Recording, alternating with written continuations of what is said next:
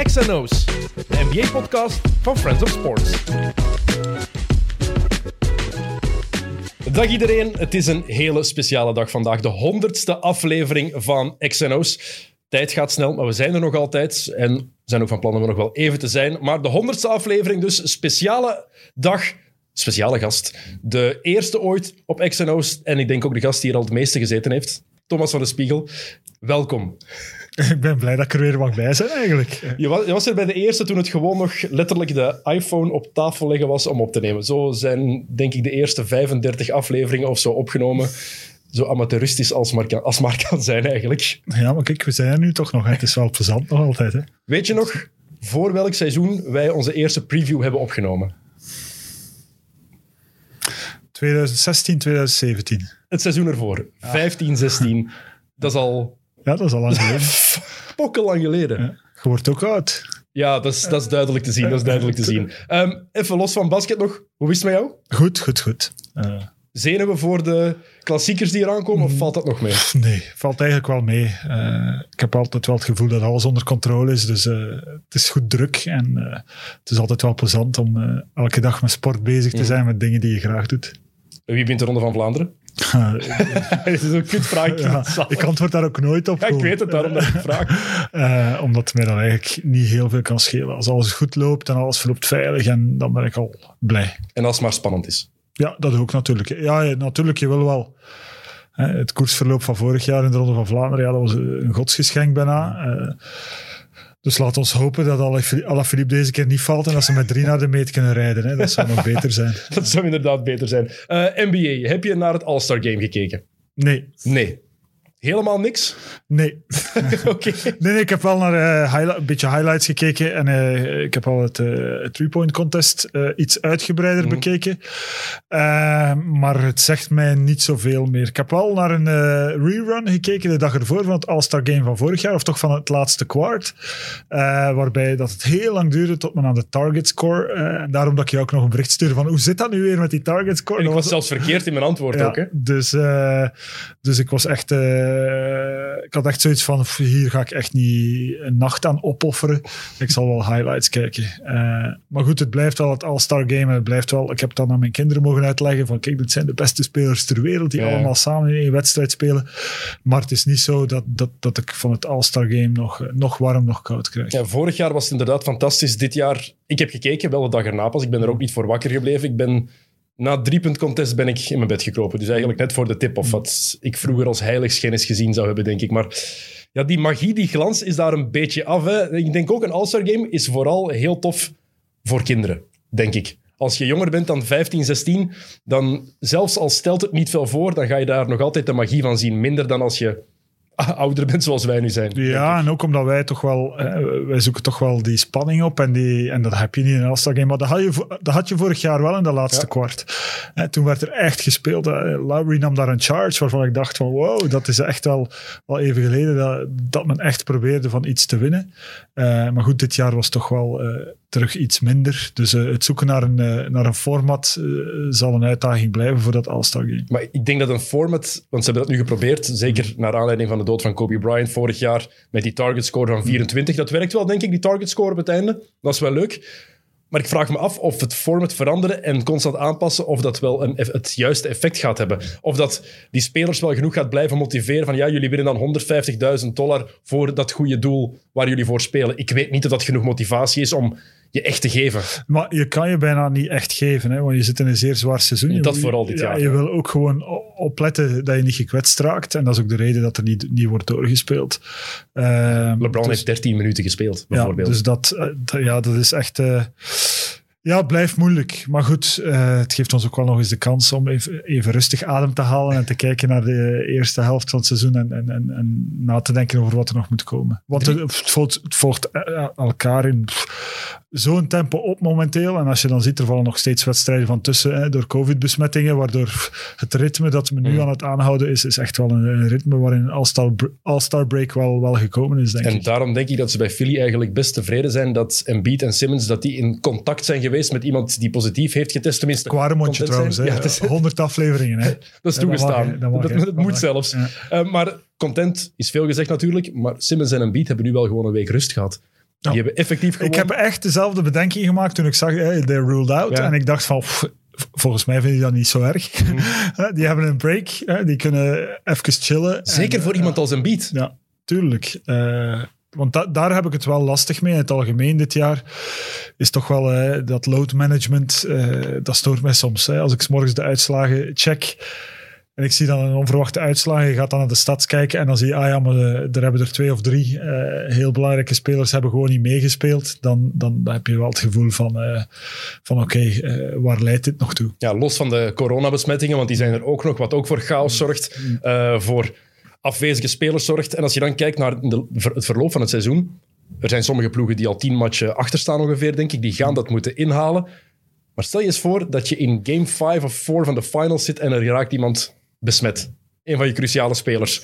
Ik vraag me echt af wat, hoe dat ze dat gaan proberen oplossen, want die kans is er. Hè. Het is niet dat het zo goed verloopt. Vorig jaar hebben ze het mooi afgesloten in de bubbel. Het was dan voor de gezondheid van de spelers en welk excuus er ook aan gegeven hebben. Ja, het is duidelijk dat het niet voor de gezondheid van de spelers is. En nu kijken ze naar wat de NFL gedaan heeft en nu maakt die gezondheid eigenlijk niks meer uit. Nee, maar En hoe ze, het, hoe ze het organiseren bedoel ik. Hè? Ja, maar tegelijkertijd heb ik ook wel het gevoel ehm, dat men daar toch wel nog altijd met heel veel besmettingen geconfronteerd wordt. Eh, Ongelooflijk veel. en als ik dan kijk, en ik trek vaak de parallel natuurlijk vanuit wat ik vandaag doe met wielrennen, Ja.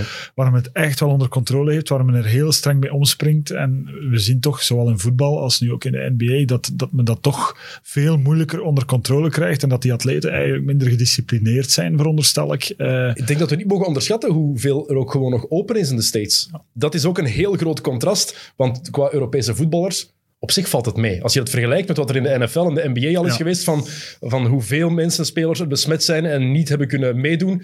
Ja, in de States, zeker in de zuidelijke staten, alhoewel in New York mogen nu ook ineens terug supporters binnen in de zalen. Ja. Als dat, dat is al stap één. Er zijn er cafés open, er zijn restaurants open. Dat is niet in elke staat hetzelfde. Maar er wordt gewoon gereisd. Dus ik denk dat de kans gewoon veel groter is om Ja, maar- daar besmet te raken. Maar dan moet je toch wel ook, eh, je hebt toch wel een bepaalde vorm verantwoordelijkheid, van verantwoordelijkheid die, die je toch wel moet opnemen, denk ik dan als speler of als club. En ik heb het gevoel dat dat nu net iets te weinig gebeurt. Ze worden wel elke dag getest, tenzij dat je dat vergeet. Want James Wiseman, die was eh, drie dagen geleden, denk ik, vergeten om zich te laten testen. Of een paar dagen gewoon vergeten. Dus ze hebben elke dag een test en hij was het gewoon vergeten.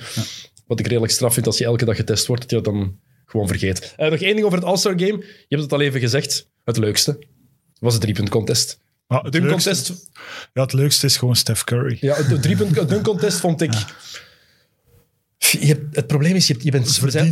We zijn zo stront verwend op dat vlak. Hè. We hebben alles al gezien. Ja, voilà. Het is echt moeilijk om nog eh, de laatste die echt vernieuwend was voor mij was Aaron Gordon en die won, die won toen niet. Tegen Zach Levine. Ja, tegen Zach Levine. Ja, maar oh, Zach Levine die deed de windmills van de, van de. Ja. dus- En wij vonden allemaal dat Aaron Gordon had moeten winnen. Dus, ehm, dus dat was het laatste. En sindsdien is het toch wel heel erg zoeken naar eh, originele invalshoeken. En eh, ja, je kan niet blijven eh, dingen heruitvinden. Grote namen. Dat is volgens mij de enige manier om het, driepunt, om het dunk contest effectief terug leven in te blazen. Echt grote namen. Levine en Gordon werkt ook, omdat je weet, oh, die twee zijn zo speciaal. En ik heb die toevallig vorige week nog eens opnieuw bekeken met mijn broer, eh, dat dunk contest. En zelfs nu was nog na elke dunk dat we daar zaten. Nee, dat is niet normaal wat die gasten doen. En dan zie je Gordon iets doen en dan denk je, ah ja, maar nu gaat Zach Levine opnieuw van de vrijworplijn dunken, door zijn been. Ja. En ja, Nee, nee, klopt. dat is Eh, belachelijk. Maar groot, als, als iemand als LeBron in zijn prime had meegedaan, dat had volgens mij zo'n ja, die- impact die kunnen kunnen- hebben. Ja, maar die- dat doen ze niet. Hè. Je kan alleen maar verliezen. Hè. Zion. Zion Williamson, die moet toch ooit meedoen aan het dunk contest. Ja, die gaat ook winnen, gewoon omdat hij Zion is. Zoals Blake Griffin toen gedaan heeft. Ja. Toen hij zo gezegd over die auto gesprongen heeft. En daarnaast sprong hij. Ja, echt wat belangrijk. Dankjewel. Dankjewel, Thomas. Eh, maar de driepunt contest, dat was wel de moeite. Ja, ik denk dat we, ehm, dat we toch wel met z'n allen kunnen erover eens zijn dat we, mogen, ja, dat, dat we het privilege hebben om, om, om te genieten van iemand die, ja, die voor mij buitenaards is. Ehm, de, de touch die die heeft en, en, en, en de manier waarop... ja, dat is gewoon de beste schutter. Ik weet niet of er ooit nog iemand over zal gaan. Zo zie ik het echt. Hè. Ik had ook al eh, wat highlights gezien van zijn... eh, van, hij had zich een beetje voorbereid. Ja.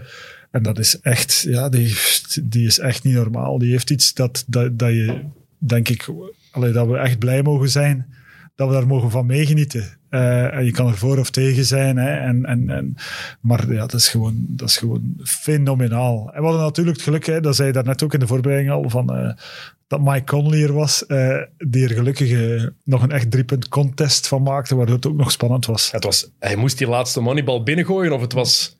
Of hij verloor. Of hij verloor gewoon. En, ja. Maar je zegt het, en dat is iets wat ik, met, wat ik vaak merk bij heel wat supporters je kan bijvoorbeeld tegen Kevin Durant zijn of tegen LeBron James zijn. Maar dat betekent niet dat je die grootsheid mag negeren. Dat je mag negeren hoe fantastisch die zijn. En bij Stephen Curry is dat ook door alles wat de Warriors hebben betekend de afgelopen jaren. Heeft hij heel wat mensen tegen zich gekregen. En dat is iedereen een goed recht om sportief te haten of om geen fan van iemand te zijn. Maar dat betekent niet dat je niet mag... Je mag niet vergeten hoe fantastisch die gewoon is. En dat je dat ook kan inzien als je Stephen Curry ziet spelen. Je zag zelfs LeBron daar tijdens het All-Star Game echt oprecht van, van genieten. Van hoe, hoe leuk het is om met Stephen Curry samen te spelen. En dat bedenk ik mij ook elke keer. Ik denk niet dat maar ik ben ook jaloers. ik liever mee zou samen willen spelen. Ik ben ook gewoon jaloers. Allee, als ex-speler. dat je nooit zo hebt goed kunnen shotten. Ook, maar gewoon... Wat hij heeft is, ja, die bal vertrekt en, en hij weet gewoon zelf heb je dat af en toe. Je hebt dat ook af en toe. Hè, en, je, weet ook wel op training, als je reeksjes gooit van, van als dat de bal weg is. Maar in-game is dat toch nog iets anders. En, en, en hij heeft dat op een manier dat je denkt van, dat shot ziet er ook altijd, gelijk welke situatie waarin hij zich bevindt of waar hij uitkomt. Of het nu uh, na dribbles is of hij komt over een screen. Of, dat shot ziet er ook altijd hetzelfde uit.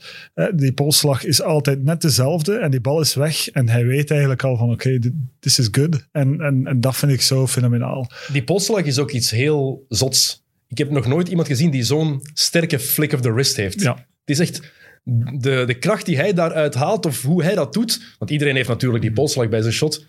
Maar bij hem heeft dat iets extra in mij. Ja, maar het blijft, eh, het blijft heel natuurlijk. Het is niet mechanisch. Dus hij heeft een enorme. Ja, hij heeft, heeft eh, hoe moet ik zeggen. Het, het, is zo natuurlijk en aangeboren. En, en, en, en het is ook gewoon een talent. Hè, los van uh, wat hij er allemaal voor gedaan heeft. Dat je zelden ziet. Hoe zot is dat eigenlijk dat het genetisch is ook? Het blijkt zo, hè? Want zijn vader was een van de eerste echte scherpschutters in de NBA. Maar zijn broer, zijn broer is net hetzelfde. Dus het kan toch niet anders dat dat ook effectief op een of andere manier genetisch ja, is. Ik denk dat balgevoel, uh, dat, dat dat toch wel ergens in je genen zit. En, en wat we ook nog moeten zeggen, eh, in het verlengde van wat we nu aan het vertellen zijn, is toch ook... Um, er zijn betere spelers. Hè? Daar, moeten we, daar zijn we het met z'n allen over eens. Hè? Maar ja, hij heeft wel uh, het spel veranderd. En, en, welke speler heeft het spel zoveel veranderd als Stephen Curry? LeBron James heeft het ook veranderd, omdat LeBron James heeft er eigenlijk voor gezorgd dat we niet meer in posities zijn gaan denken. Hè? 1, 2, 3, 4, 5, dat, is bijna, dat bestaat bijna niet meer. Alhoewel dat je terug in evolutie zit meer richting de echte center uh, in vergelijking met de voorgaande jaren. Maar Stephen Curry heeft gewoon het product basketbal veranderd. Uh, waar LeBron misschien technisch-tactisch wat veranderd heeft, heeft Stephen Curry gewoon ja, iedereen verplicht om het te gaan herdenken. Uh, het, waar basketbal over gaat. Uh, of dat dat te, te goede gekomen is van de sport, al dan niet. Dat is natuurlijk iets waar je kan over discussiëren. Maar uh, als je kijkt naar de, naar de impact die, die de driepunter gekregen heeft over de voorbije tien jaar, ja, dat is fenomenaal. En dat is eigenlijk Stephen Curry bijna op zijn eentje die daarvoor gezorgd heeft. Ja, en er gaan in de toekomst, omdat je zegt het, basketbal is veranderd, is geëvolueerd. Er gaan spelers komen die aan een veel hoger percentage driepunters binnengooien dan Stephen Curry. Dat is gewoon de realiteit, omdat veel meer ja, spelers zich van jongs af aan daarop gaan focussen. Ook op shots van de middenlijn. Dat gaat er van het begin af aan in zitten. Maar toch zal Stephen Curry de beste shotter aller tijden blijven. Omdat, één, hij dat inderdaad zo veranderd heeft. En nieuw, de manier waarop hij dat ook doet. Je, je, je, hebt, je hebt Clay Thompson, die misschien technisch gezien een beter shot heeft dan Stephen Curry. Dat is catch and shoot of één dribbeltje. Stephen Curry kan dat letterlijk op alle soorten manieren. En Damian Lillard heeft dat ook wel een beetje. En die heeft ook een fantastisch percentage. Doet het ook van de vrijworplijn, zoals in het All-Star Game daar fantastisch deden. Gewoon afwisselen. Ah, Dame doet dat, dan doet Steph het ook. En toch heb je het gevoel van ja, maar, maar Lillard is toch niet van dat niveau puur op shooting, als het op shooting aankomt, hè, van Stephen Curry. Nee, nee, ik ben, ben volledig mee. En, en, en, en, en ik vind het soms een beetje jammer, maar tegelijkertijd moeten we er ook van genieten. En moeten we, het, uh, moeten we dat eigenlijk omarmen, dat je, dat, dat, dat je zo'n speler... Um, ja, ik kan echt als ik naar highlights kijk, ik denk dat, het, dat de Stephen, Stephen Curry highlights mijn favoriete highlights zijn. Mhm. Omdat hij dingen doet waarvan dat je denkt, dit kan niet. Eh, Maar Bill Simmons zegt dat ook altijd. Hij zegt dat altijd op dezelfde manier. Ik ben het daar helemaal mee eens. En dat hoor je ook van Zach Lowe. En hoor je van Ryan Russillo. Hoor je van, van, pff, van, van Brian Winters. Iedereen die nog maar iets betekent als analist of pundit in, eh, in de States zegt... Als Stephen Curry begint te koken, als je dat ziet op Twitter of iets van... oh, Hij begint weer. Iedereen laat alles vallen omdat ze dat per se willen zien. Want je weet ook, oeh, als hij effectief weer begint... De ene driepunter na de andere. En ik moet altijd terugdenken aan playoff-serie. Zijn eerste playoff-serie waarin hij echt is doorgebroken was tegen Denver acht jaar geleden. En toen had hij ook zo'n match waarin hij begon. Ik weet dat ik die match aan het kijken was en dat het de eerste keer was dat ik effectief werd weggeblazen van wat de hel is hier aan het gebeuren. En dan weet je ook van, het maakt niet uit waar hij de bal heeft. Iedereen weet, hij gooit hem toch binnen. Ik heb dat vandaag met twee spelers. Ik heb dat met Doncic en met Curry. dat zijn de twee waarvan ik denk van wat dat je zegt. eh, Ja. Als je plots ziet van, oh, eh, ze zijn on fire, dan wil je echt gaan kijken. Je hebt het een paar weken geleden nog gestuurd, denk ik, in, eh, WhatsApp. Ja, op een zondagavond van, jongens, zet allemaal je televisie aan. Want wat ik nu zie van Doncic, dat heb ik zelden gezien. Want ik was toen voetbal. Ik was, wij zaten toen in de studio bij, bij, eh, bij Play Sports en ik was toen een voetbalmatch aan het omkaderen. Ja, ik ben ook effectief naar de redactie gegaan om te gaan opzetten, om dan 10 minuten te kijken en om die voetbalmatch even te negeren. Ja, daarvoor heb je gelukkig analisten. maar ja, dat is zoiets, zoiets magisch. En hoe goed Kevin Durant ook is, of hoe goed LeBron James ook is, die hebben dat niet. Nee. Omdat dat zo iets unieks is. En een Trey Young, daar zit het bijvoorbeeld ook nog wel ergens in, maar die heeft nog niet... Ja, die spreekt nog niet zo tot de verbeelding zoals Doncic al Ja, die impact, die impact is iets minder, hoe moet ik zeggen, ehm, iets minder breed. Hè? Dan zeg je van, oh ja, dat is tof. Mhm.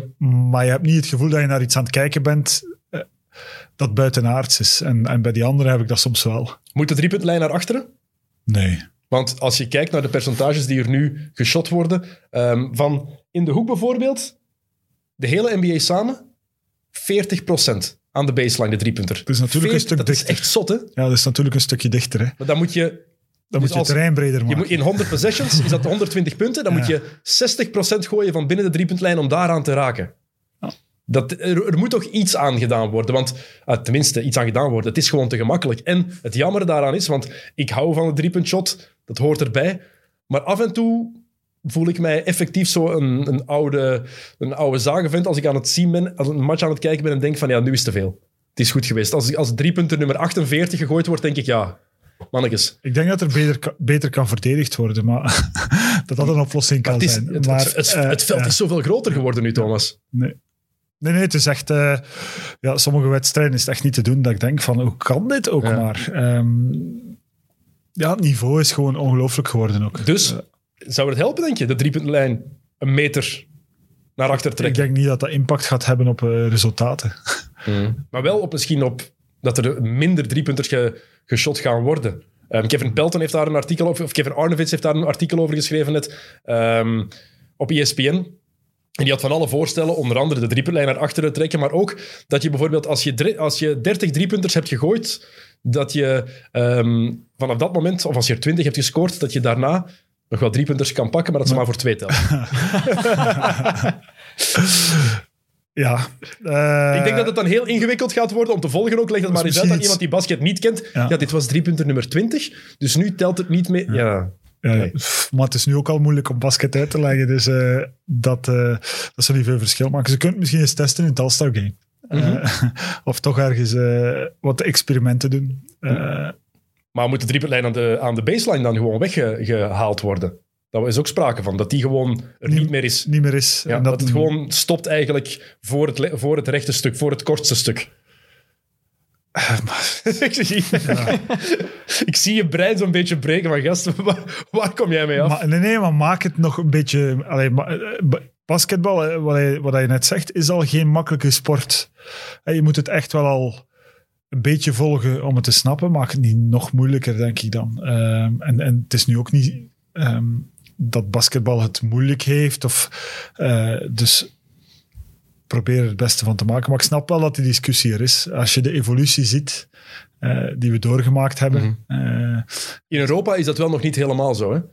Het begint meer en meer, zeker bij de Euroleague-ploegen. De beste ploegen in Europa, die beginnen dat wel al meer te doen.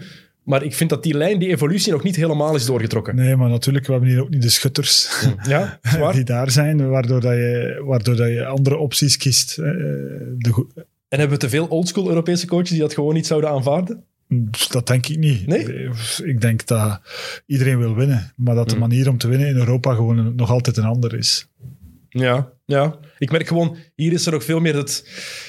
De, passing game zit er hier nog meer in. Hè. Ehm, het, het, Ja, maar je bent er ook wel toe verplicht, gewoon door de regelgeving ben je er toe verplicht. Omdat je, ehm, de, ja, de, we praten over Stephen Curry die het, het spel veranderd heeft, maar de defensive three seconds, die hebben het spel nog veel meer veranderd natuurlijk. Eh, en eh, dat is nog altijd het grote verschil met Europa. En in Europa kan je echt nog tactisch een wedstrijd echt winnen.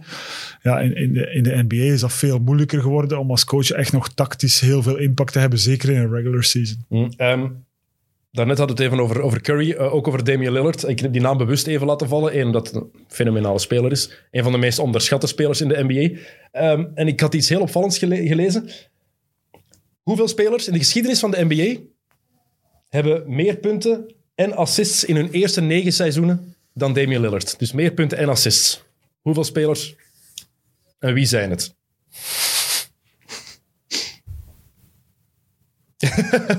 Thomas denkt, Hoeveel zijn het er? het zijn er drie. Maar drie. Dat, is al, dat vond ik al... Ja, het feit dat ik er al lang moet over nadenken. we, Er drie namen. Larry Bird, LeBron James en Oscar Robertson. eh, eh, Robertson ging mijn eerste. Maar dat zijn de enige drie geweest zijn, ja. die in hun eerste negen seizoenen meer punten en assists hebben dan Damian Ik Lillard. verschiet van Bird eigenlijk. Eh, ik had niet gedacht dat Bird eh, zoveel assists gaf. Ja, eigenlijk. maar ik had vooral niet gedacht dat Damian Lillard nummer vier is in dat rijtje. Als we Eh, kijken naar de carrière van Lillard, we weten allemaal hoe goed hij is, hoe fenomenaal hij is. Ja, we maar zijn dat- natuurlijk terug tijdperken aan het vergelijken, eh, waardoor eh, de, average scoring ligt waarschijnlijk misschien ook een stukje hoger nu. En, eh, Dan in de jaren 80, maar niet dan in de jaren doe eens 60. echt je huiswerk, Dennis, en zoek dat eens op. maar nee, nee, maar Lillard is gewoon super straf. Eh, niet alleen clutch, hè, eh, maar ook gewoon in het algemeen. Als je ziet hoe hij, wat hij dit jaar nu weer doet, hè, in afwezigheid van... Want er was altijd zo wat... Ja, de, de, de, hoe moet ik zeggen? De interne strijd tussen CJ McCollum en, en, en, en Damian Lillard. En, en McCollum, ja, zijn cijfers begonnen in de buurt te komen van Lillard. Terwijl je wel het gevoel altijd had van Lillard is eigenlijk wel de leider en eigenlijk wel de betere van de twee. Maar McCollum heeft dat iets frivolere nog en dat eh, scoort misschien nog net iets makkelijker, kost hem nog minder moeite. Eh, maar dit jaar is nu ook weer gebleken dat er maar één leider is eh, van dit Portland en dat het eh, zonder Nurkic en zonder, eh, en zonder McCollum. En als je ziet waar ze staan, ja, dat, het is wel echt een straffe gast. Wordt hij onderschat omdat hij maar in Portland Maar speelt? ik vind eigenlijk, allee, misschien onder- ligt, dat aan, ligt dat aan mezelf, maar ik heb hem nog nooit onderschat Kijk, in elk geval. Doncic is het drie jaar in de NBA en het is een garantie dat hij starter is in het All-Star Game. Iedereen gaat daar ook vaak meteen van uit. Hij is MVP-kandidaat. Over Lillard wordt zo niet gepraat. Ja, dat is natuurlijk ook eh, international impact. Ook, ja. Heeft daar ook mee te maken. Hè? Eh, Maar zelfs in de States is Doncic ook de populairdere speler eigenlijk. En ik denk, Dallas is toch altijd een grotere en voor sommige mensen misschien interessantere markt dan Portland. En ik vraag me af of dat geen rol speelt. Langs de andere kant, bij Kevin Durant, Oklahoma City is ook een kleine markt en dat heeft ook geen verschil gemaakt. Dus ik weet dat ik mezelf daar al tegenspreek, maar ik vraag me dat wel af of het een verschil gemaakt zou hebben. Moest Damian Lillard bijvoorbeeld... Ja, het zou zeker een verschil gemaakt hebben moest hij in New York gespeeld hebben. En moest hij daar zo'n cijfers bij, bij ingespeeld Ja, hebben, het is net ik. iets makkelijker, denk ik, in Portland eh, om die cijfers bij elkaar te spelen. De druk is net iets Mm. anders. Eh, maar goed, ik snap wat hij wil zeggen, maar, eh, maar ik denk dat er wel nu consensus over is dat Damian Lillard toch wel ongelooflijk straf is. En, en ehm, als ik moet kiezen aan wie ik, denk ik, mijn laatste shot geef, dat hij toch wel top 3 is in de NBA vandaag. Ja, wie zijn de drie? Als jij effectief vijf, Ja, vijf, mezelf vastgezet. vijf, ja, vijf, vijf, vijf seconden, de toekomst van de Ronde van Vlaanderen hangt ervan af. Wie geef je de bal? Ehm, maar waarschijnlijk zullen stats me tegenspreken, maar ik geef er sowieso een aan Durant. Check. Eh, ja. ja.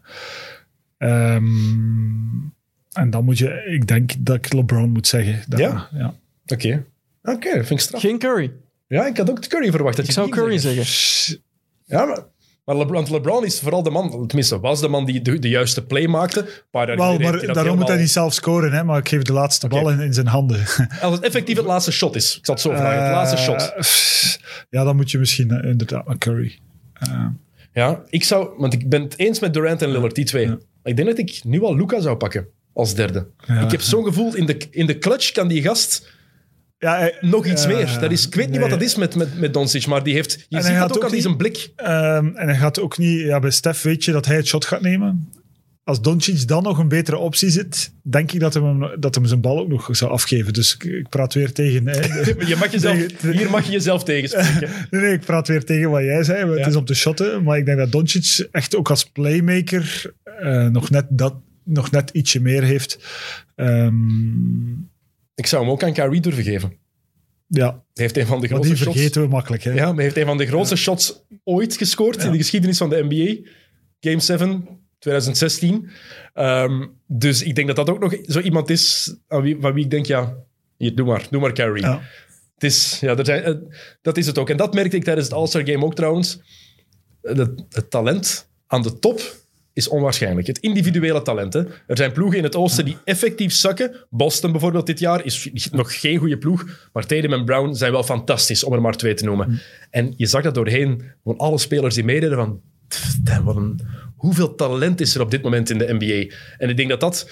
We hebben leuke eras gehad. Ik kijk bijvoorbeeld met heel veel plezier terug op mid-jaren 2000. Maar in 2005 was er niet het talent dat er in 2021 is. Kan je niet vergelijken. Nee, nee, nee, zeker. Zeker. Ik ben nu nog aan het nadenken over wie, aan wie ik nog de bal zou geven. Exact. Hem aan Boeker misschien ook wel nog Oh ja, Devin Booker. Ja, Devin Booker inderdaad. Die, die ook ice in his veins lijkt te hebben. Ja, en die ook altijd dat shot nog op een goede manier gaat wegkrijgen. Ja. Dus eh, die niet gaat moeten forceren. Die altijd wel nog iets kan creëren. Uh, over KD trouwens gesproken, je noemde hem daar net even. Ik ben daar heel ongerust over, over Kevin Durant. Uh, die hamstringblessure is nog altijd niet in orde. Ik ben heel ongerust over de Nets eigenlijk. Over de Nets? Ja, ik las dat ze nog maar um, voor de All-Star break, dat, dat uh, one, two, three punch, uh, zal ik ze nu noemen, dat die nog maar 186 minuten samen op parket maar hebben KD gestaan. is al oud vanaf 13 februari, denk ik.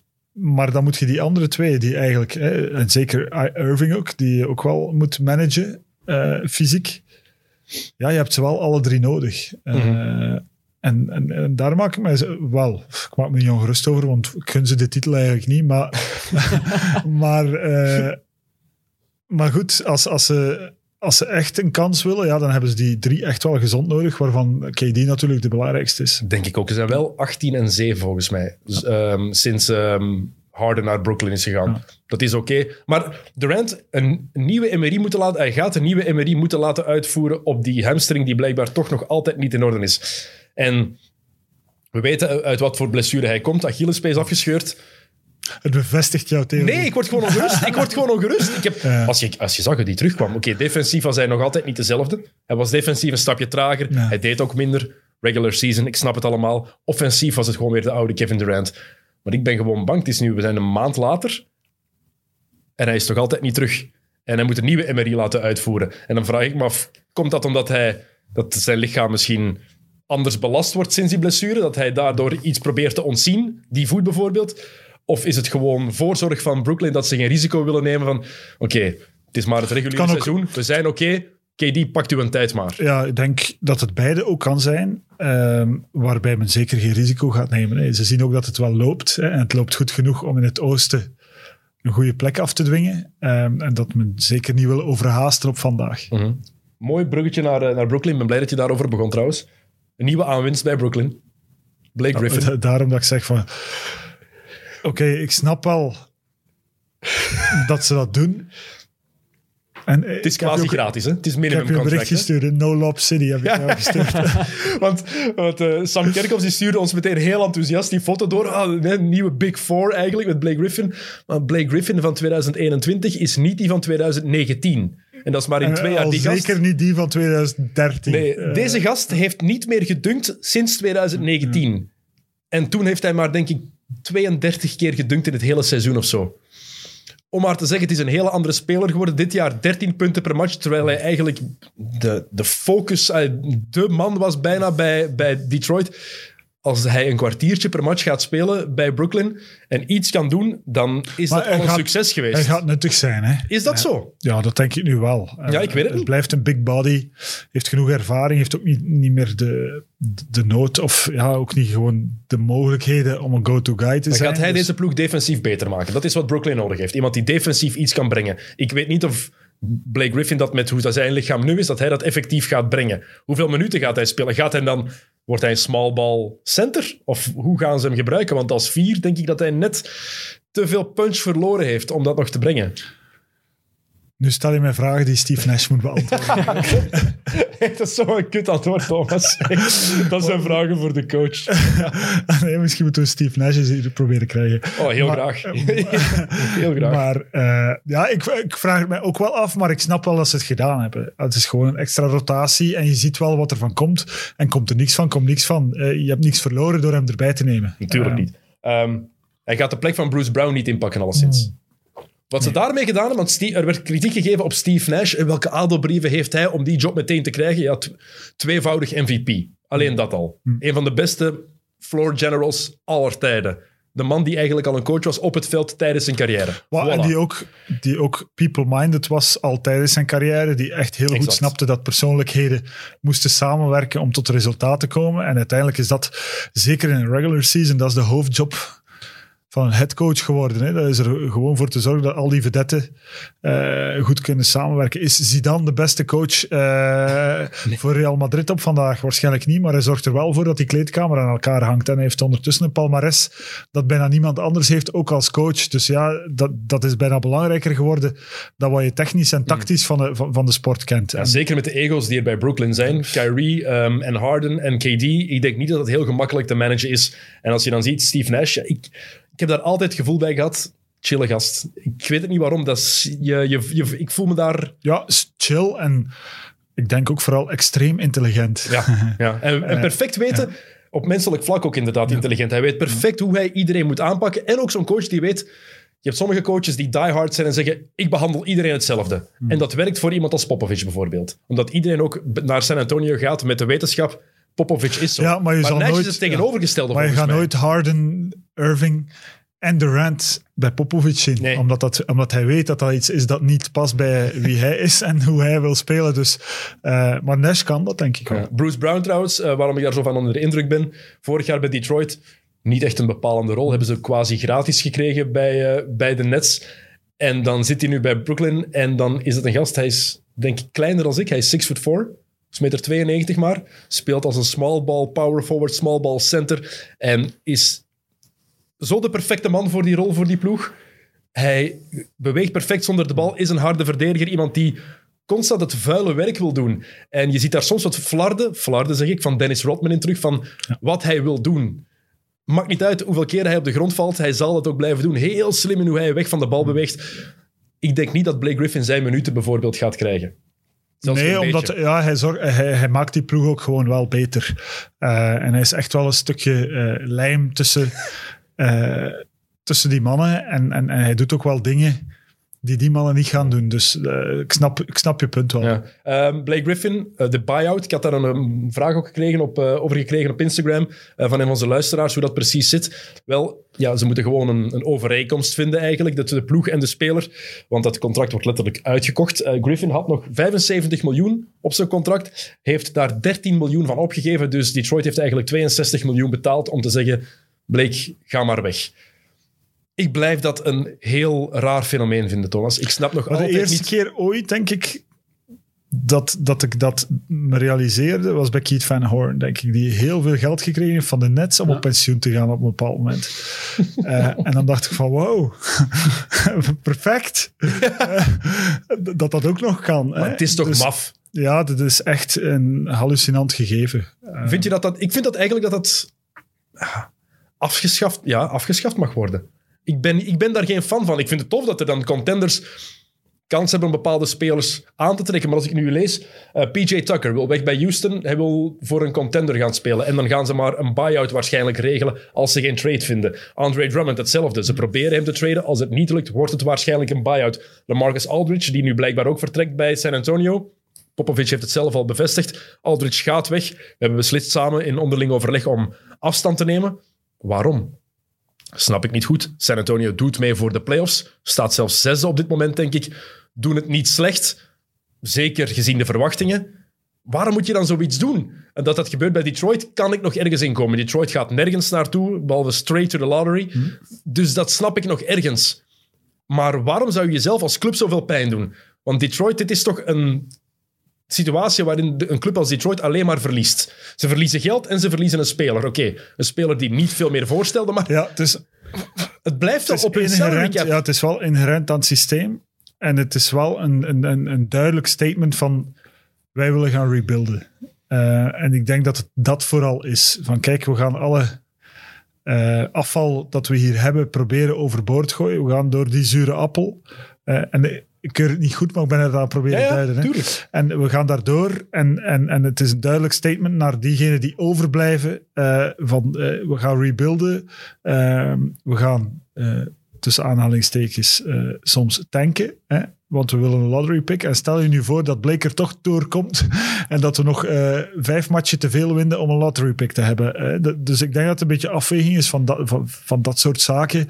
Eh, maar dat het vooral een teken is van we willen rebuilden. Eh, we weten dat we eh, opportuniteiten gaan hebben. Of zoals San Antonio, die het gevoel hebben, denk ik, van eh, hij, heeft geen echte impact meer. En we kunnen dat beter aanpakken. En kost ons dat wat geld, en kost ons dat wat geld. Maar natuurlijk 62 miljoen is wel eh, oké. Stevig, hè? Ja. Ik, en ergens, als we dan heel even ehm, ja, conservatief bekijken, is dat op een of andere manier geen beetje competitievervalsing? En daarmee bedoel ik, Blake Griffin gaat nu quasi gratis naar Brooklyn. Een ploeg die anders ah, ver over de salary cap zou zijn. En die salary cap is er net met een bepaalde Ja, het is reden. vervalsing, maar tegelijkertijd op het moment dat die buyout er geweest is, Ja. is hij free agent. ja, tuurlijk. Dus heeft iedereen de kans om een overeenkomst te vinden met Blake je weet ook dat er bepaalde clubs zijn die nooit een kans gaan maken. Dat Nee, weet je ook. Hè. Dus je weet dat, Dat is waar, maar tegelijkertijd op dat zijn. moment kan je daar eigenlijk weinig tegen inbrengen. Ja, tuurlijk. Maar ik- als je dat gewoon, maar ik- als je het puur sportief bekijkt, bedoel ik gewoon. Los van, los van alle centen en alles wat daarbij komt. Soms, dan vraag ik me soms af van, is dat eigenlijk wel oké? En ik heb daar nog altijd geen... Maar ik heb nog, oh, pff, ik heb zelden eh ehm, buyouts gezien die ook nog impact gehad hebben daarna natuurlijk. Eh, we zouden echt eens moeten zoeken naar buyouts die dan echt nog het verschil gemaakt ja, hebben. PJ Brown bij Boston 2008 heeft Ja. bijvoorbeeld een impact gehad. Je hebt altijd wel Sorry. één naam. Nee, nee, maar ik was, 2008 tennis. dat is de enige waar ik nu even snel op kom. In 14 jaar tijd, dus Ja, ja, maar er, nog er zijn, competitie er, zijn, maar er zijn er wel wat geweest die een impact hebben gehad op een ploeg. Marc Gasol, bij, ehm, toen die naar Toronto is gegaan, twee jaar Ja, geleden. dat, was dat wel, ik, was, ik, ik was aan het denken aan Gasol. Ik denk dat het ook een buyout was. Dus elk jaar is er wel één speler, of zijn er wel twee spelers die voor een contender een, een rol spelen. En dat is wat iedereen nu zegt bij Blake Griffin. Hij moet maar één goede match hebben in de playoffs. Eén match waarin hij het verschil maakt en dan is het, dan is het het waard geweest. En dat is inderdaad zo. Het maakt niks uit. Als het nu niet lukt, pff, zijn toch geen geld kwijt. Dat ene miljoen gaat niks uitmaken voor, weet je, een nieuwe eigenaar van de Nets. Die man van Alibaba. Ah, Ik kan niet op zijn naam komen. wel, het, is niet, het is niet Jack Ma, maar het is een andere. Het is een andere, ja. Heeft genoeg geld. Ja. Dat, dat is heel duidelijk. Ehm, Blake Griffin, die dit seizoen zakt, die vorig seizoen zakte, ehm, kunnen dat niet anders zeggen. Het is gewoon de waarheid. Ehm, acht operaties al gehad, stevige operaties. En dat deed mij denken aan van die perennial all-stars, mannen die vaker all-star zijn geweest, maar waar je ook van verwacht, die gaan hier zeker 15 jaar zijn. Waar je, van, je hebt sommige van die gasten waar je van denkt van, oh, zoals nu Luka Doncic. Je verwacht ervan dat hij in 2032 nog altijd all-star is. Als hij tenminste niet te veel blijft eten. Ehm, denk je dat wel belangrijk is. Of En- drinken. Of drinken, want hij is nog geen 21. Is hij al 21? Nee. Ja, ja, ja, ja ondertussen is hem 21. Nou ja, inderdaad, het is al drie, is al drie jaar in de NBA. Eh, maar daarom dacht ik, honderdste aflevering, ik wil een spelletje met Thomas doen. Dus ik heb een lijst gemaakt met, eh, in mijn ogen, eh, Fallen Perennial All-Stars. Gasten waar ik van dacht, die gaan jaren All-Star zijn. Ehm sommigen hebben effectief zes All-Star selecties gehad bijvoorbeeld, maar zijn dan ineens van een klif gevallen om blessures, om andere redenen. Ook gasten die nooit All-Star zijn geweest, maar waar ik wel van had verwacht dat ze gingen worden. Dus ik heb een lijst gemaakt, ik ga daar doorgaan. En als jij het even over één speler moet hebben, moet je me gewoon zeggen, stop, daar wil ik het even over hebben. Ja, Oké? oh, het is nog een oké spelletje. Ik dacht dat een, Nee, het dat een quiz ging zijn of zo. Nee, nee, nee, nee, nee. Trip down memory lane. Je, moet, je, moet, je, moet, het is- je moet niks weten. Ik wil het gewoon over bepaalde mannen hebben. Ehm, Fallen Perennial All-Stars. De eerste, direct een mooie naam, vind ik zelf. Reggie Lewis. Van de Boston Celtics vroeger. Ik- ga er gewoon door. Dus je- als je het er niet over wil hebben, Lewis, die trouwens overleden is aan een hartstilstand eh, op training eh, bij de Celtics, was een van de gasten waar Michael Jordan nooit goed tegen gespeeld heeft. Een van de, van de uitzonderingen. Ray John Rondo ook iedereen van overtuigd, gaat jaren All-Star zijn, was ineens gedaan. Isaiah Thomas van de Boston Celtics. Nooit All-Star geweest, had het wel moeten zijn. Drazen Petrovic. Ja, oké, dat is natuurlijk een tragisch verhaal. Mhm. Eh, en hij had het ook al kunnen zijn, denk ik, eh, tijdens zijn carrière. Dat laatste jaar, 1993, had hij het moeten zijn, eigenlijk. Maar toen was een Europeaan All-Star maken blijkbaar not done. Eh, een brug te ver. Waarom was het eigenlijk zo moeilijk? Vandaag is een Europeaan geen All-Star maken, bijna een brug te ver. Maar iedereen, iedereen in de NBA wist toen dat Petrovic fantastisch was. Ik snap nog altijd niet waarom die toen geen selectie gekregen heeft of waarom dat moeilijker was. Voor de jongere kijkers en luisteraars, google eens en kijk eens wat video's over Petrovic. Maar daarom dat ik die er ook bij gezet heb, omdat ik weet, Petrovic is zo'n beetje een cultnaam geworden. Everybody loves him. En ik moet zeggen, als ik hem zie spelen soms, het ziet er effectief ouderwets uit. Ouderwets basketbal. Hè? Als je hem ziet spelen, hij lijkt niet heel snel. Hij shot een beetje raar. Dus eigenlijk de oude Joegoslavische school een beetje. eh, die, ja, die, die, die ook tactisch een voorsprong had. die het spel veel beter begrepen eigenlijk dan de Amerikanen. Ook al hadden die het uitgevonden. Ehm, en die natuurlijk een, een, scoringsmachine was. eh, eh, in Europa zeker bijna zonder voorgaande. Ik denk dat hij bij Real Madrid ooit eens in de 60 punten scoorde. Wat voor die tijd voor Europa fenomenaal was. Dat is nog altijd zo. Ja. maar toen was dat ook ongezien. Eh, en die ook waarschijnlijk de eerste Europeaan was die echt impact had in de States, die ook super populair was. Initieel niet, en dan wel. Eh, Ja, bij Portland wou het niet lukken eerst en dan is hij naar de Nets gegaan. En dan, daar werd hij de man. En, maar als je iedereen ook hoort praten die ooit tegen Petrovic gespeeld heeft, zegt ook van, ja, die gast is een van de beste spelers waar ik ooit tegen heb gespeeld. En eigenlijk is het de, de Europese Stephen Curry. Qua touch, qua... Hoe, Ja. hij, het, hoe hij een match kon... kon het is zo'n gast, daarom dat ik dat zeg, Thomas. Het is zo'n match een, waar je een altijd echte rekening mee houden. Ja, e- echte playmaker ook. Maar ook iemand die, je zegt het, hij kon ook 60 punten maken in een match. En ik denk ook dat dat iemand is als defense. Je moest constant weten waar Petrovic was op het veld. Ja, hij had ongelooflijk snelle handen. Het is een, een heerlijke speler. Ehm, over die ploeg gesproken van Petrovic heb ik twee namen opgeschreven. Derek Coleman en Kenny Anderson. Eh, Welke van de twee had jij van gedacht, die gaat een, die gaat een carrière hebben met zeker 10 All-Star selecties? DC. Eh, maar die dronk een beetje graag. Eh, Maar eh, ja, hij was een beest. Het was de tijd vooruit eigenlijk. hè. Linkshandige power forward. Een beetje undersized, maar echt een fysiek beest. Die ook vandaag nog zijn plek zou hebben, eh, bijna in het spel van vandaag. die eh, van die cliff is gevallen toen hij zijn, ehm, zijn groot contract heeft getekend. En dat hoor je wel bij veel meer mannen. Die tekenen hun, hun grote contract, tientallen miljoenen, en dan verzorgen ze hun lichaam niet meer. Nu is het tegenovergestelde vaak. Ze krijgen dat contract en dan willen ze dat net meer bewijzen. Toen, in begin jaren negentig, de mentaliteit bij heel wat spelers was toch compleet anders. Daar was meer... Dat zeg, ja, ze, ze vertrouwden meer op hun talent, denk ik, dan nu het geval is. Ja, en ook... ehm, ik denk dat er vandaag een verwachtingspatroon ontstaan is. Eh, toen, toen was je ehm, profsporter of profbasketballer. Ehm, van het moment dat je op het terrein stapte tot het moment dat je eraf stapte. Vandaag ben je dat 24-7. Mhm. Eh, er is eh, toegang tot jouw leven, tot jouw privéleven. Tot, en dat verwachtingspatroon is er constant. En als je daar niet kan aan beantwoorden vandaag, die druk is helemaal anders dan hij toen was. Toen moest je gewoon, als je van het terrein stapte en je had je job gedaan, dan, dan deed je wat je moest doen. Er was geen social media, er waren enkel de wedstrijden op televisie, dus je was veel minder een publiek figuur. Vandaag is dat verwachtingspatroon veel breder en veel groter geworden dan dat toen was. Ehm, dus ik denk dat dat er ook wel mee te maken heeft dat die, dat, dat die filter vandaag gewoon veel strenger geworden is voor spelers. Hoeveel keer denk je dat Coleman All-Star is geweest? Ik schrok ervan. Geen enkele keer? Eentje. Ja, ik ging, ja ik ging, eh, omdat je het zo zei, maar ik, ik ging één of twee keer gezegd. Weinig, hè? Ja. Voor Ja, hoe goed hij echt was. Ja. Number one pick, 1990, Rookie of the Year daarna. Ja. Ehm, Darren Williams. Utah Jazz, Brooklyn Nets. Niet veel All-Star Games? Ik denk vijf of zes. Toch. Ja, maar het is... Ik Veel. wil het zeggen... Ça va, maar het is zo iemand... Maar die heeft in Beziktas gespeeld, hè, Dennis. Ja, maar er is discussie. er we, vergeten soms dat er jarenlang de discussie was: wie is de beste point guard? Darren Williams of Chris Paul? En dat is niet maar een maand of zo dat we die discussie hebben ja, gevoerd. waar, jarenlang, hè? waar, waar, waar is dat verval eigenlijk ingetreden? Bij Hij is naar de Nets gegaan. En dan Toen was het wel nog oké. het eerste jaar oké. En dan ineens was het voorbij. De laatste keer, drie keer All-Star. 2010, 11 en 12. Hm.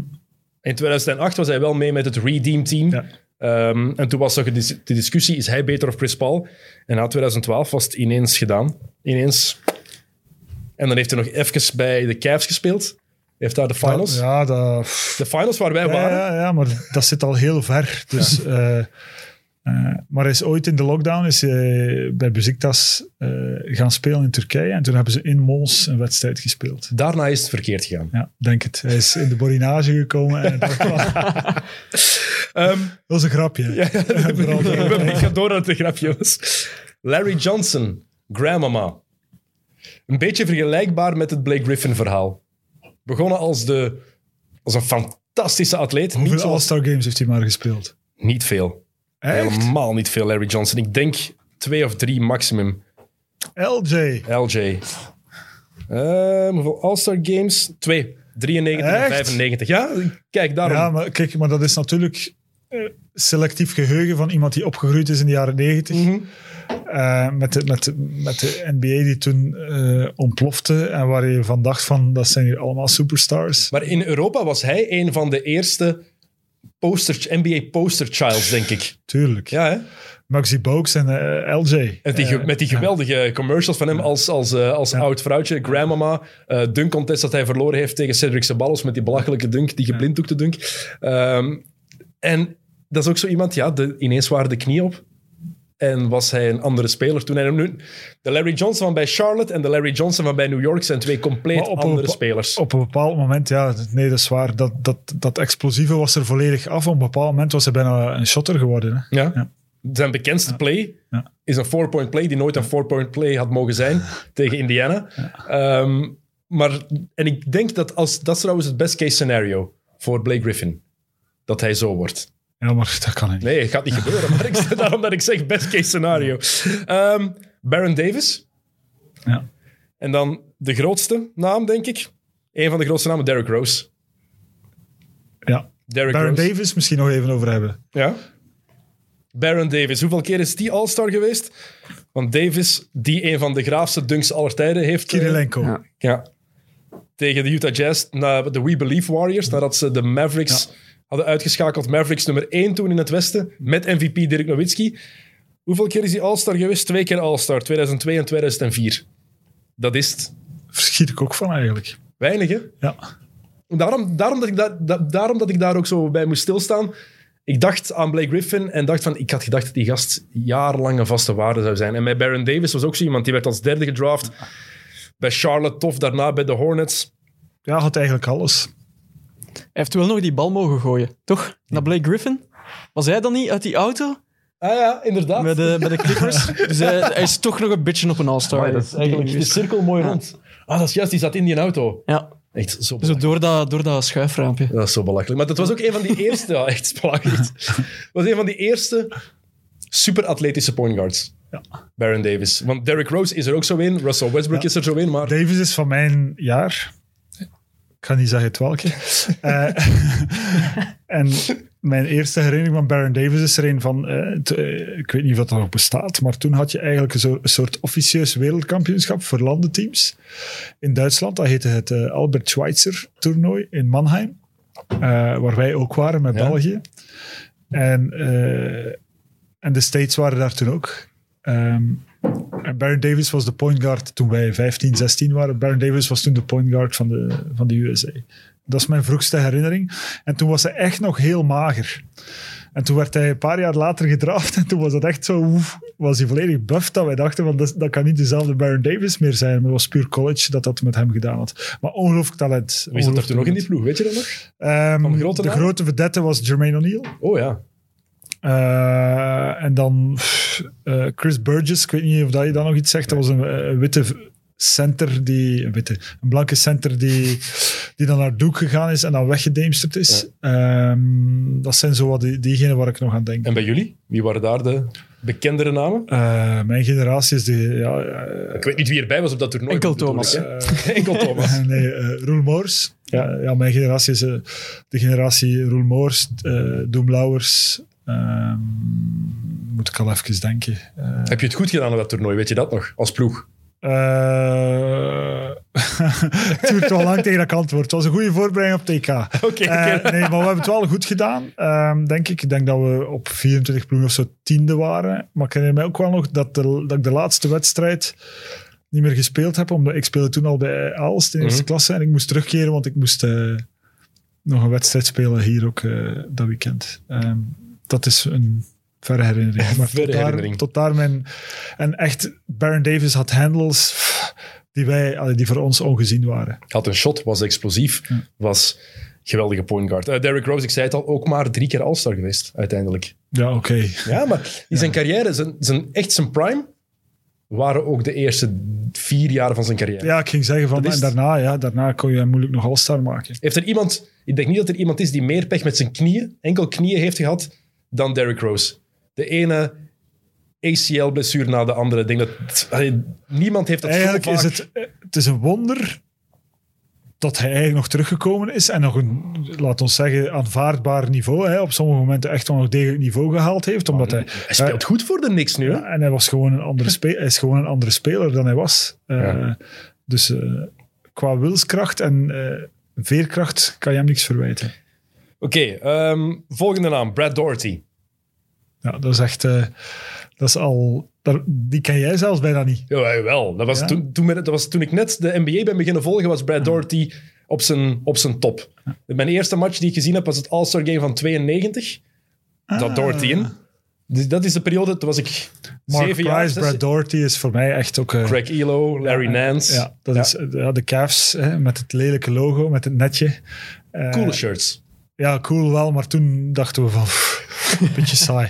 Ehm Ja, het was ook saai. Als je kijkt, Brad Doherty... eh was ook een saaie, een saaie speler gewoon. Nummer Eh, 1 pick, draft van En 1986. hoeveel All-Star Games? Vijf. Ja, toch. Ja, 88, 89, 91, 92, 93. Ja. En dan ook door blessures, jammer genoeg. Maar het was zo ergens vergelijkbaar met Kyle Anderson nu, maar dan als big man. Slow-mo. Alles wat hij deed leek echt in slow En motion ook te niet zijn. super spectaculair. Nee, en, en, en er is ook een kantelpunt geweest, hè, halfweg de jaren 90, dat alles plots in een stroomversnelling kwam, dat alles eh, eh, veel atletischer werd, veel, eh, moest meer gedunkt worden. En, en dat was niet Brad Doherty Nee, dat is niet zijn spel. Ehm, Kevin Love. Ik ga even, ik ga even onderbreken. Ja, Ja, sorry hè. Jokke. Want Sam heeft nog een verrassing. meneer Kerkhoffs. Voor de honderdste aflevering. Hola. Dank u wel. Ja, maar het is uw af. Ja, maar, En moeten we die open doen? Moeten we die open doen nu? Eh, nee, het is voor je wijn, niet helemaal op je gemak. Oké, dankjewel Sam. Wil jij er nu bij komen? bij de kleur. Van niks en.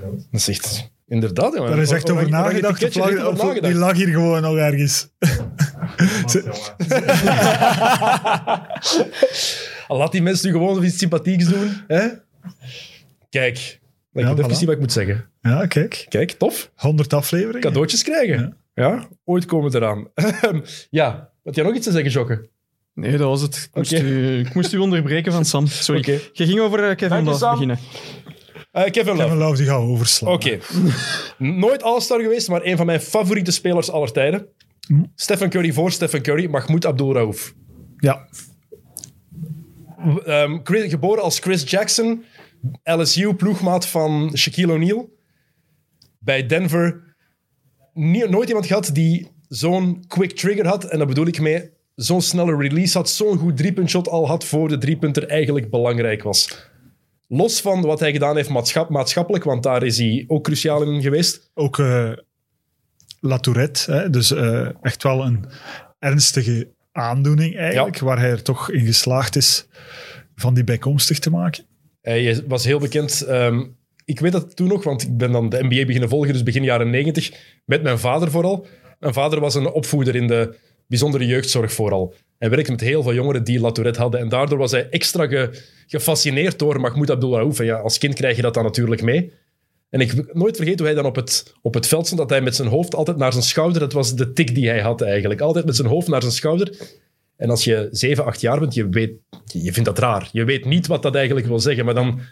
Mijn vader heeft dat toen uitgelegd en wat daarbij kwam. En dan meteen ook het maatschappelijke aspect van Abdul ge- gezet. De speler die niet wilde rechtstaan voor het volkslied. ehm, die dan uiteindelijk een overeenkomst heeft gevonden met David Stern om dat toch te doen. Op voorwaarde dat hij mocht bidden tijdens het volkslied. Omdat hij heel gelovig was, heel eh, gelovig moslim was.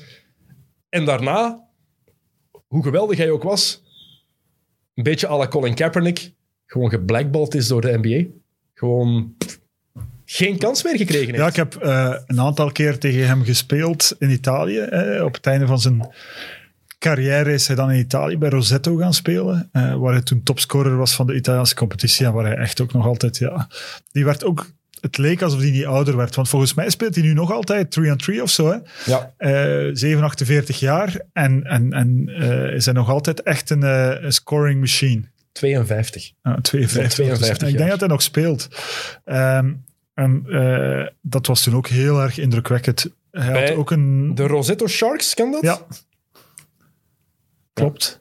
Pff, Damn, jong, echt. Dus hey, je weet af en toe waarom dat je mij uitnodigt. Ik, kan, ik kan verhalen vertellen over Baron Davis, over eh Abdul Rauf. Eh, en dat was toen ook zo indrukwekkend hoe makkelijk dat die gast scoorde. Dat was echt, die had echt het volledige arsenaal, links, rechts, pull-up. eh, die had toen al een floater, toen een floater eigenlijk bijna, eh, dat was echt nog relatief nieuw. Die had al een Dat was, floater. maar Ja. wie had dat toen? Ja. Begin jaren 90. Ja. Ik, ken, ik kan me niemand bedenken Dus- die dat effectief toen in zijn spel had. Ja, dus die had echt alles. Die, die had zo weinig beperkingen. Het enige dat hij wel had, hij was super licht. Dus als je die één pataat gaf, ja, dan voelde hij dat wel. In zijn prime? Ja, 73 kilo voor een meter 85. ja ik voilà. Dus, voilà, dat zegt genoeg. Ehm, nog zo'n perennial all-star.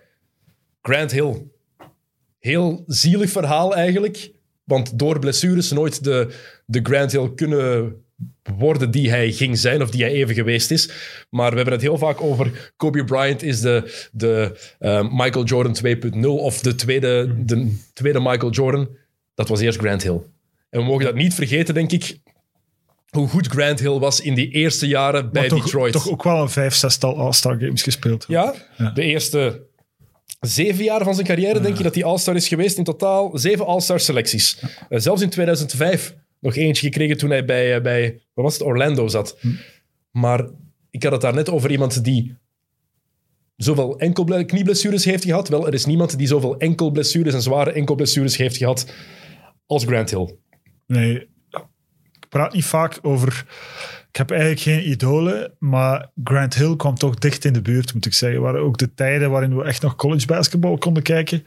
Eh, Die, die ploeg van Duke was toen fenomenaal. Hij was Bobby Hurley, Christian Leitner, Grant Hill. Uh, Trajan Langdon heeft daar Ja. toen nog, ook mee gespeeld. Dus ik heb heel vaak met Trajan eh, ook nog over Grant Hill gesproken. Ja, mensen die niet weten, jij hebt met Trajan Langdon samengespeeld bij CSK Moskou Ja. jarenlang. En het En- was met voorsprong de sterspeler van jullie ploeg. Niet met voorsprong. We waren allemaal starspelers.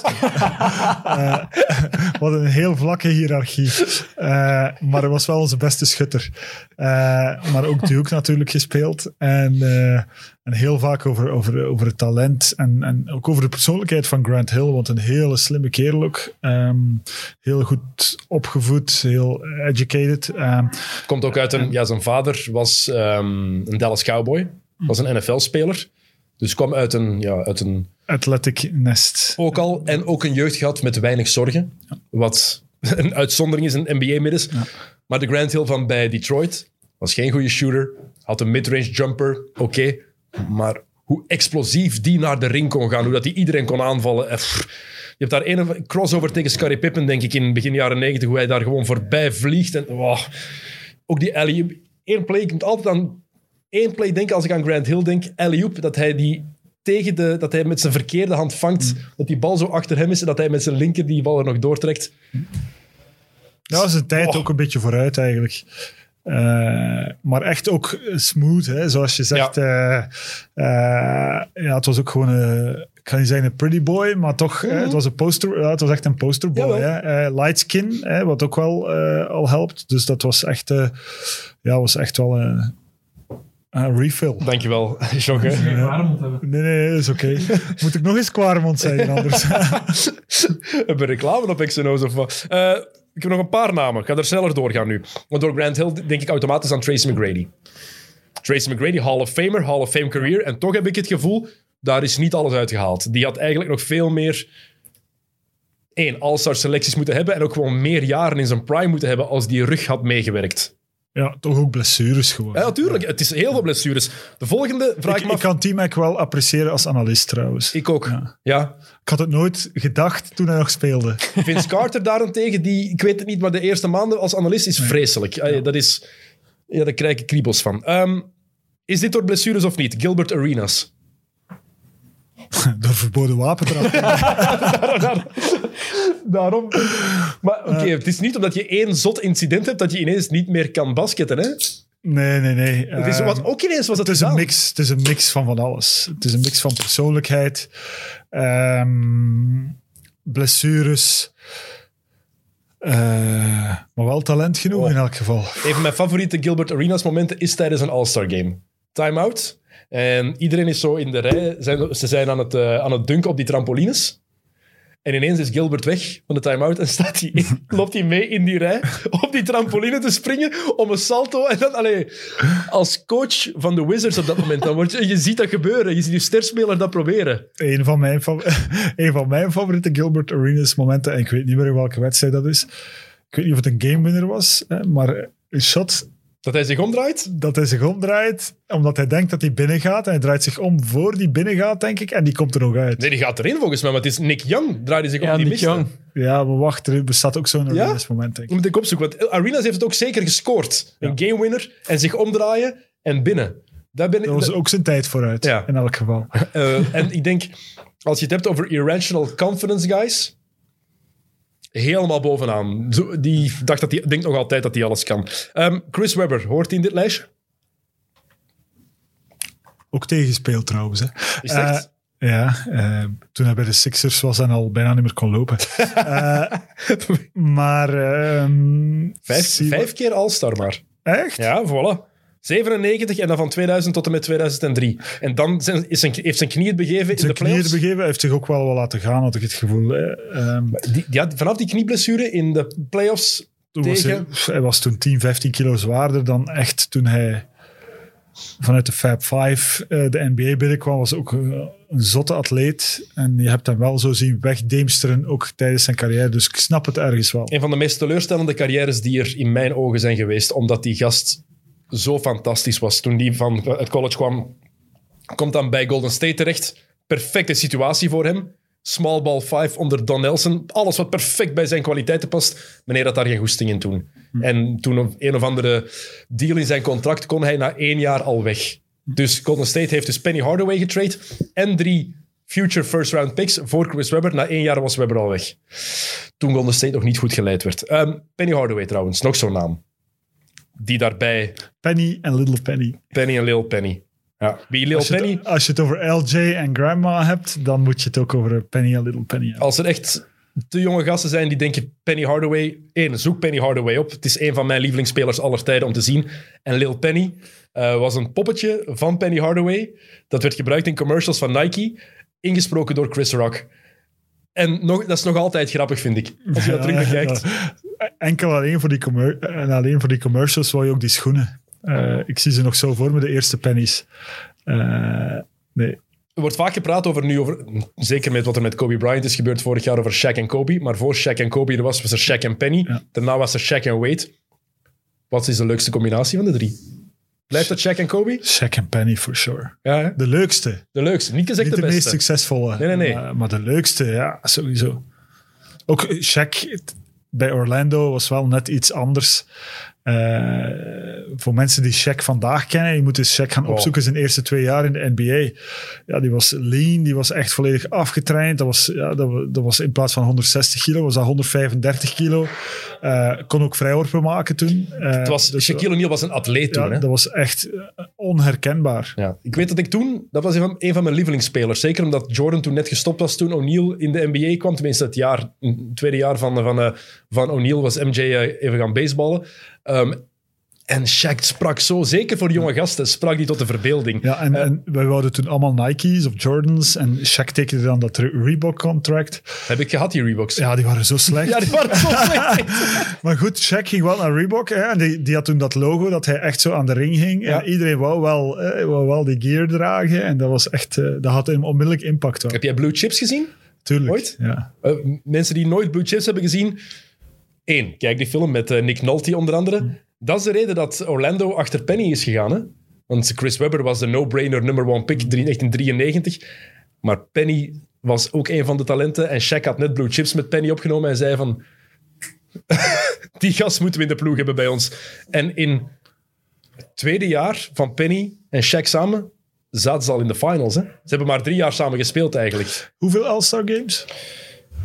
Moet ik even... Ik, eh, ik denk maar vier of zo.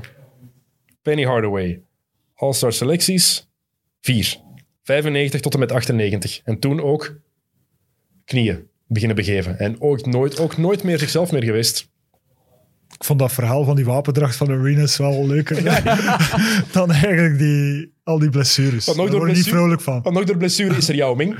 Ja. Dat is door blessures dat hij ineens van de ene dag een van de meest dominante centers in de NBA naar de andere dag een afterthought of fijne carrière. Steve Francis. Ook zo iemand die... Stevie Franchise. Ja, heeft zichzelf die bijnaam gegeven. Hè? Ja, maar goed. eh, als je praat over Baron Davis, moet je eigenlijk in één adem moet je Steve Francis noemen als, eh, als toch wel vernieuwende point guards. Nummer twee in het dunk contest van 2000, dat van Vince Carter. Ja, en als je ziet welke dunks dat die maakt in dat dunk contest, hij wint elk ander jaar. Ja, Hoe, hoe groot was eh, Steve Francis? meter 91 toch? Ik Ja, dacht ik dat ging hij klein... meter 86. Ik dacht zo, maar ik dacht ook dat hij kleiner was.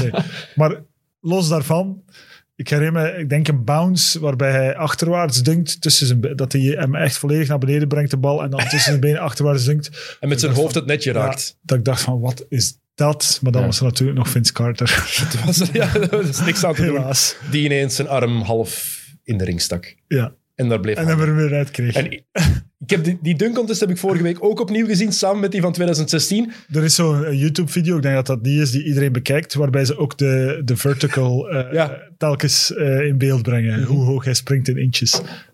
Maar toen ook de reactie van het publiek. Toen Shaq, Carter... Shaq had toen nog eh, zijn eigen camera. Echt zo een baksteen. Maar ik weet nog dat iedereen ook gewoon, zelfs de commentatoren, die dunk gebeurt en iedereen is zo stil van...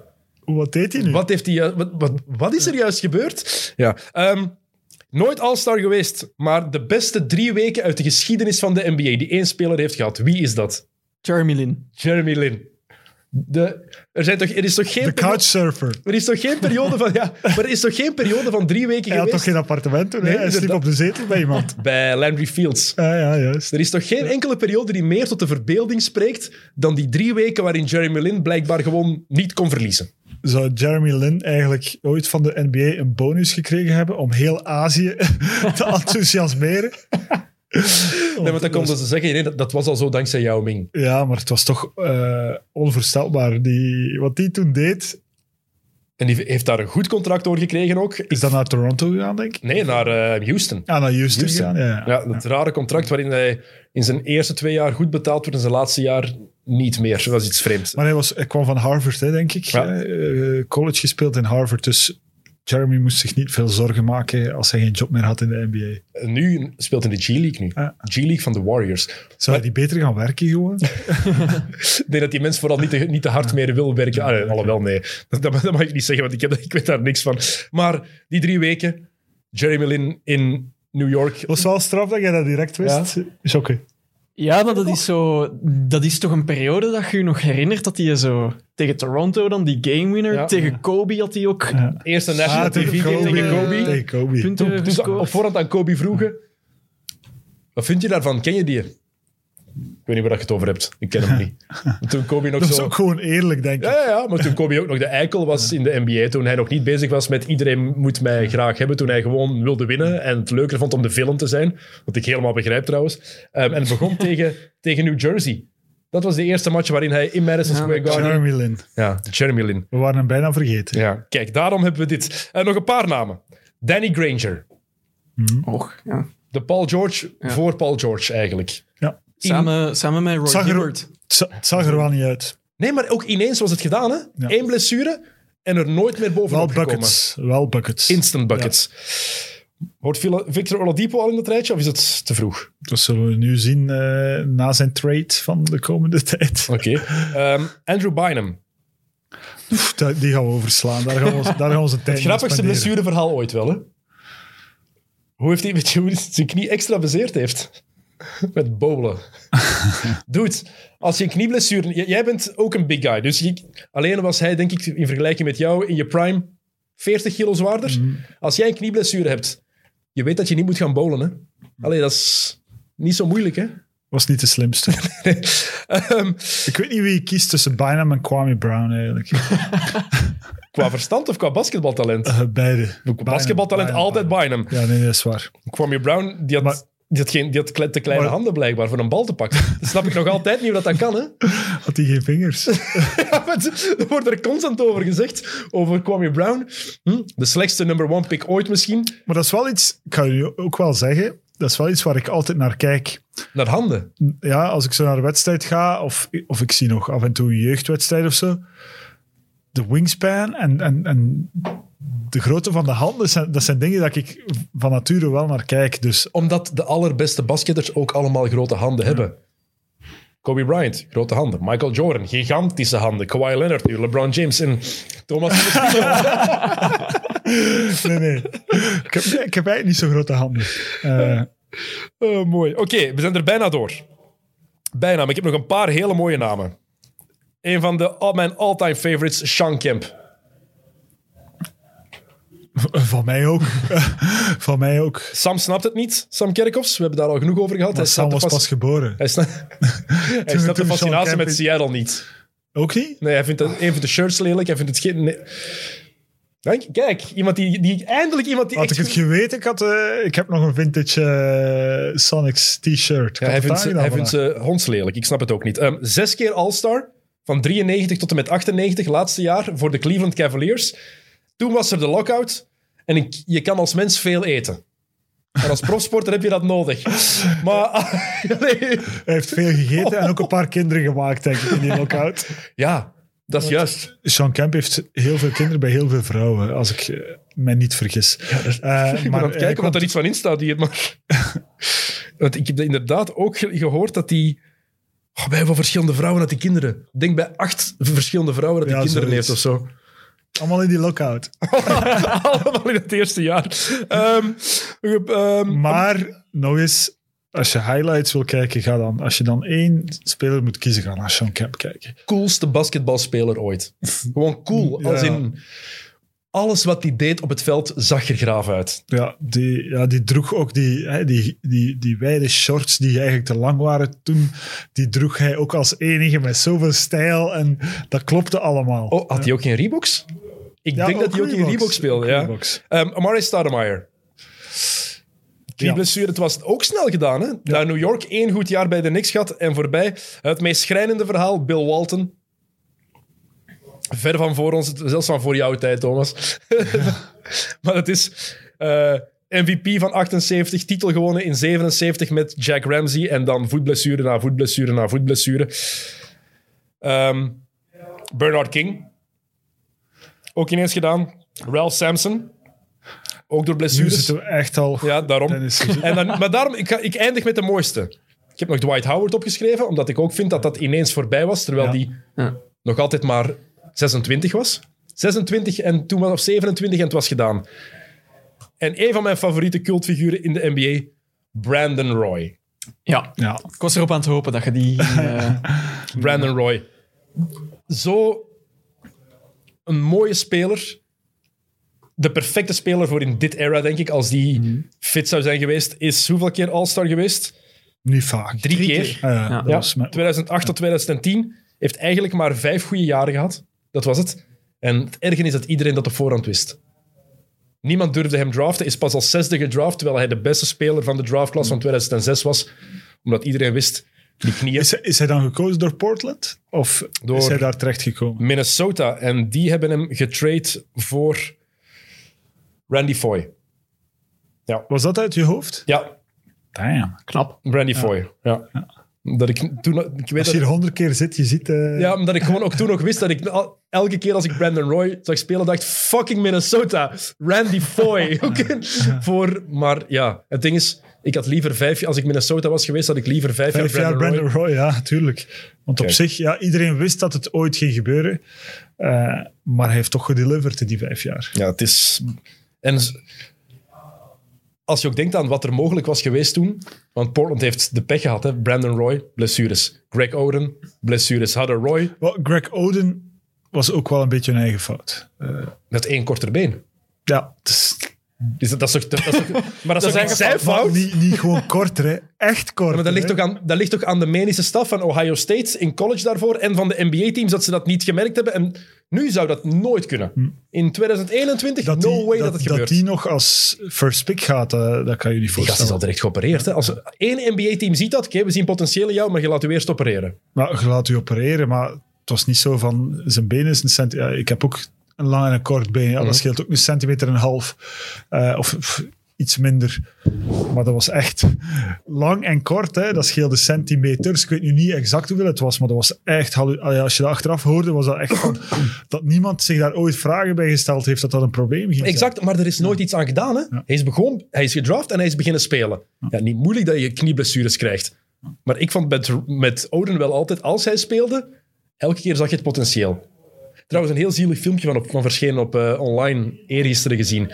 Roy is nu assistentcoach bij Ohio State. En hij loopt daar rond op campus. Ineens komt er een oude vrouw naar hem. En die vraagt, do you play basketball? En hij zegt zo, I used to, met zo'n glimlach. En dan gaat die vrouw weg en je ziet hem echt zo ongelooflijk depressief. Ja, maar hij, kon ook gewoon heel depressief kijken. hij, hij zag er ook al 48 uit toen hij eigenlijk maar 19 Dat is was. niet normaal. Die zag er al in college. Die had echt zo al rimpels en een frons. En, want in college was hij ook een beetje eh, cult, omdat ik denk dat hij een probleem had met zijn pols of zo. En hij heeft een hele tijd zijn vrijworpen links De geschoten. finale van het NCAA-toernooi tegen North Carolina heeft hij met zijn linkerhand gespeeld. Alles omdat hij inderdaad zijn rechterhand zijn pols gebroken had. Ja, Ja, en hij speelde ook gewoon goed. En hij maakte ook zijn vrijworpen, denk ik, links. Ja? Dus eh, talent was er genoeg. Weet je wie de point guard van Ohio State toen was? Wel, ik ben al een hele tijd mijn hoofd erover aan Je hebt zijn naam al genoemd in deze uitzending. Toen we het over het All-Star Game hadden. Eh, Mike Conley. Ja, exact. Mike Conley. In de finale verloren tegen North Carolina van Tyler Hansbrough. Ja. over cultfiguur gesproken. Ja. Ty- Tyler Hansbrough. Ehm, Oké, dat, wa- dat was mijn lijstje. Goed, Toffe, mooi. na- toffe namen. hè? Mooi, Oké, ik heb nog een paar dingen, Thomas, die ik met jou wil bespreken, want dan laat ik je gaan. Maar het is een, de honderdste aflevering, dus een special. Maar ik heb tijd hoor, Dennis. Als je er langer van wil maken, dan... eh, Ja, blijkbaar is het hier de gewoonte om meer dan twee uur op te nemen tegenwoordig.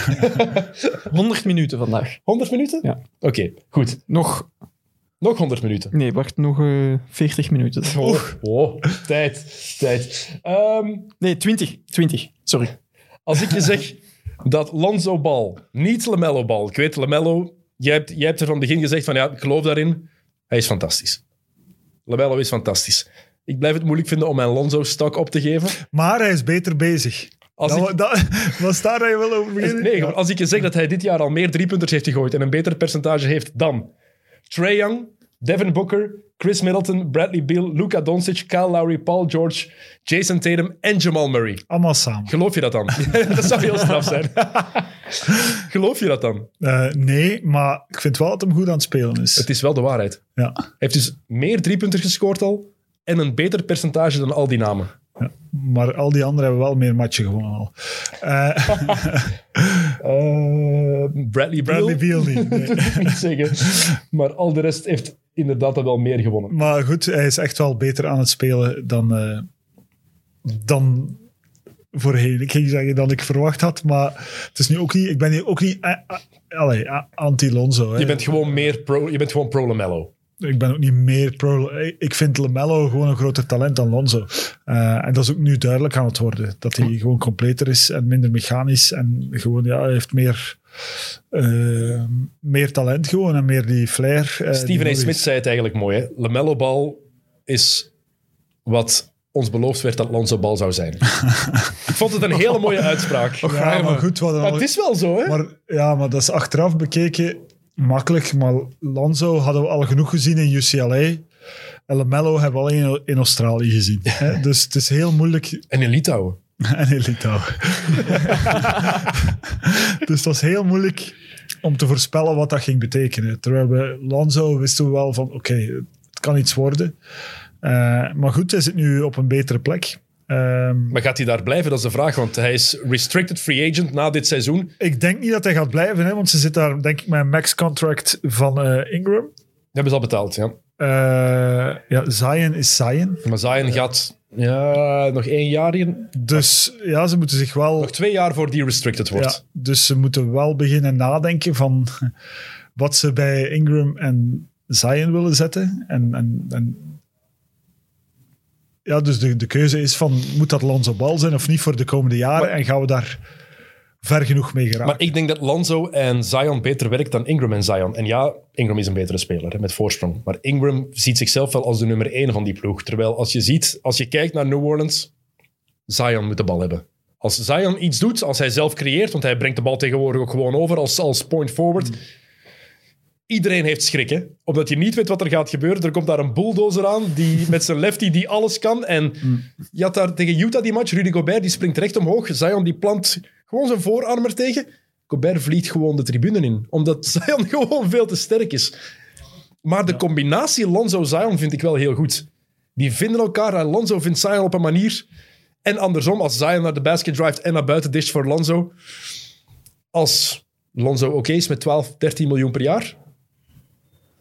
Ik zou hem altijd houden. Ik zou er oké mee zijn. Wat zeg je? ik zou er oké mee zijn met 12, 13 miljoen. Maar ik denk niet dat eh Lonzo daar oké gaat mee zijn. Er gaat een andere ploeg ook meer bieden. Ja.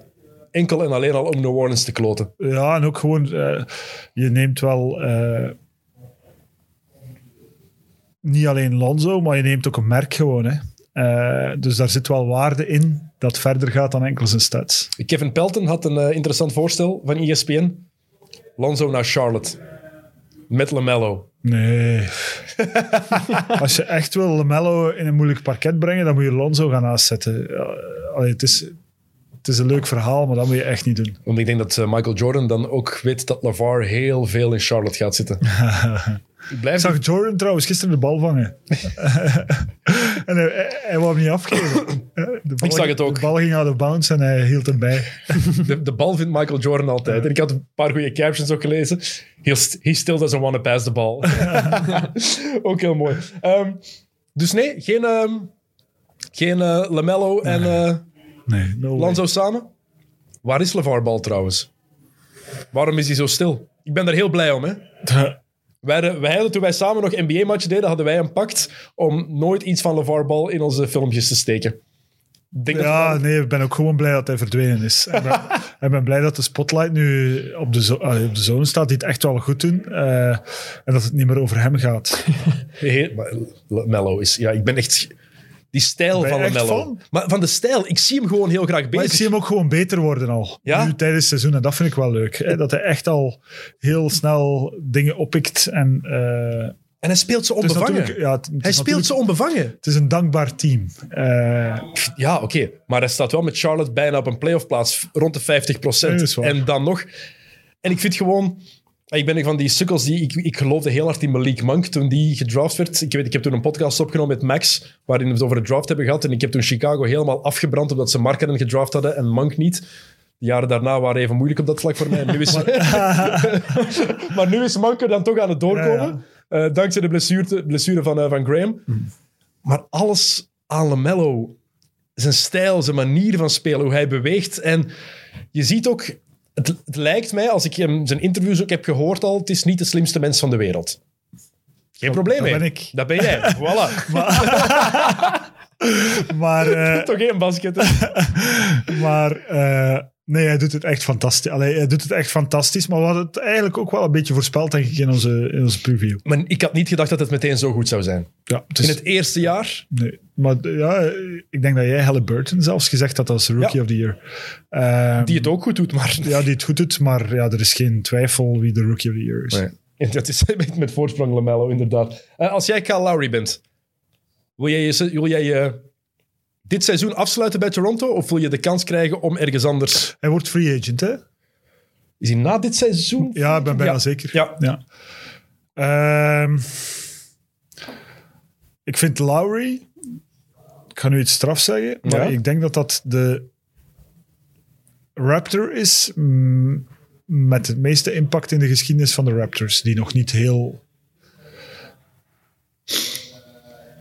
Ja, Ik vind dat... Ik vind Lowry eigenlijk het gezicht van Toronto. the greatest Raptor of all time. Ja, ik vind dat. Ehm, en ik vind ook dat hij.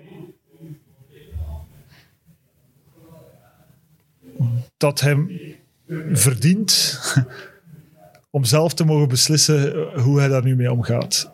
Maar het ding is, niet iedereen heeft een contract van 30 miljoen.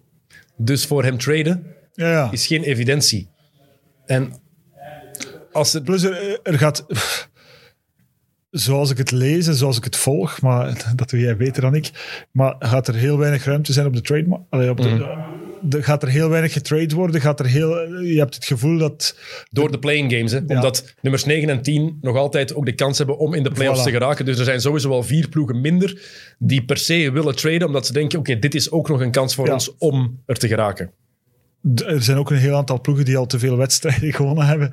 Eh, bij wat ze dachten dat ze er gingen winnen. Die Ook zich nog. beginnen af te vragen van, moeten we niet nog wat wedstrijden beginnen verliezen om kans te maken op een lottery pick? Eh, om OKC niet te noemen.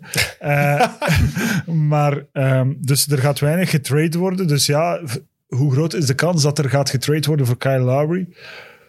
Die is misschien niet heel erg groot. Ehm, ja, ik vind het een hele moeilijke. Ik vind ook tegelijkertijd.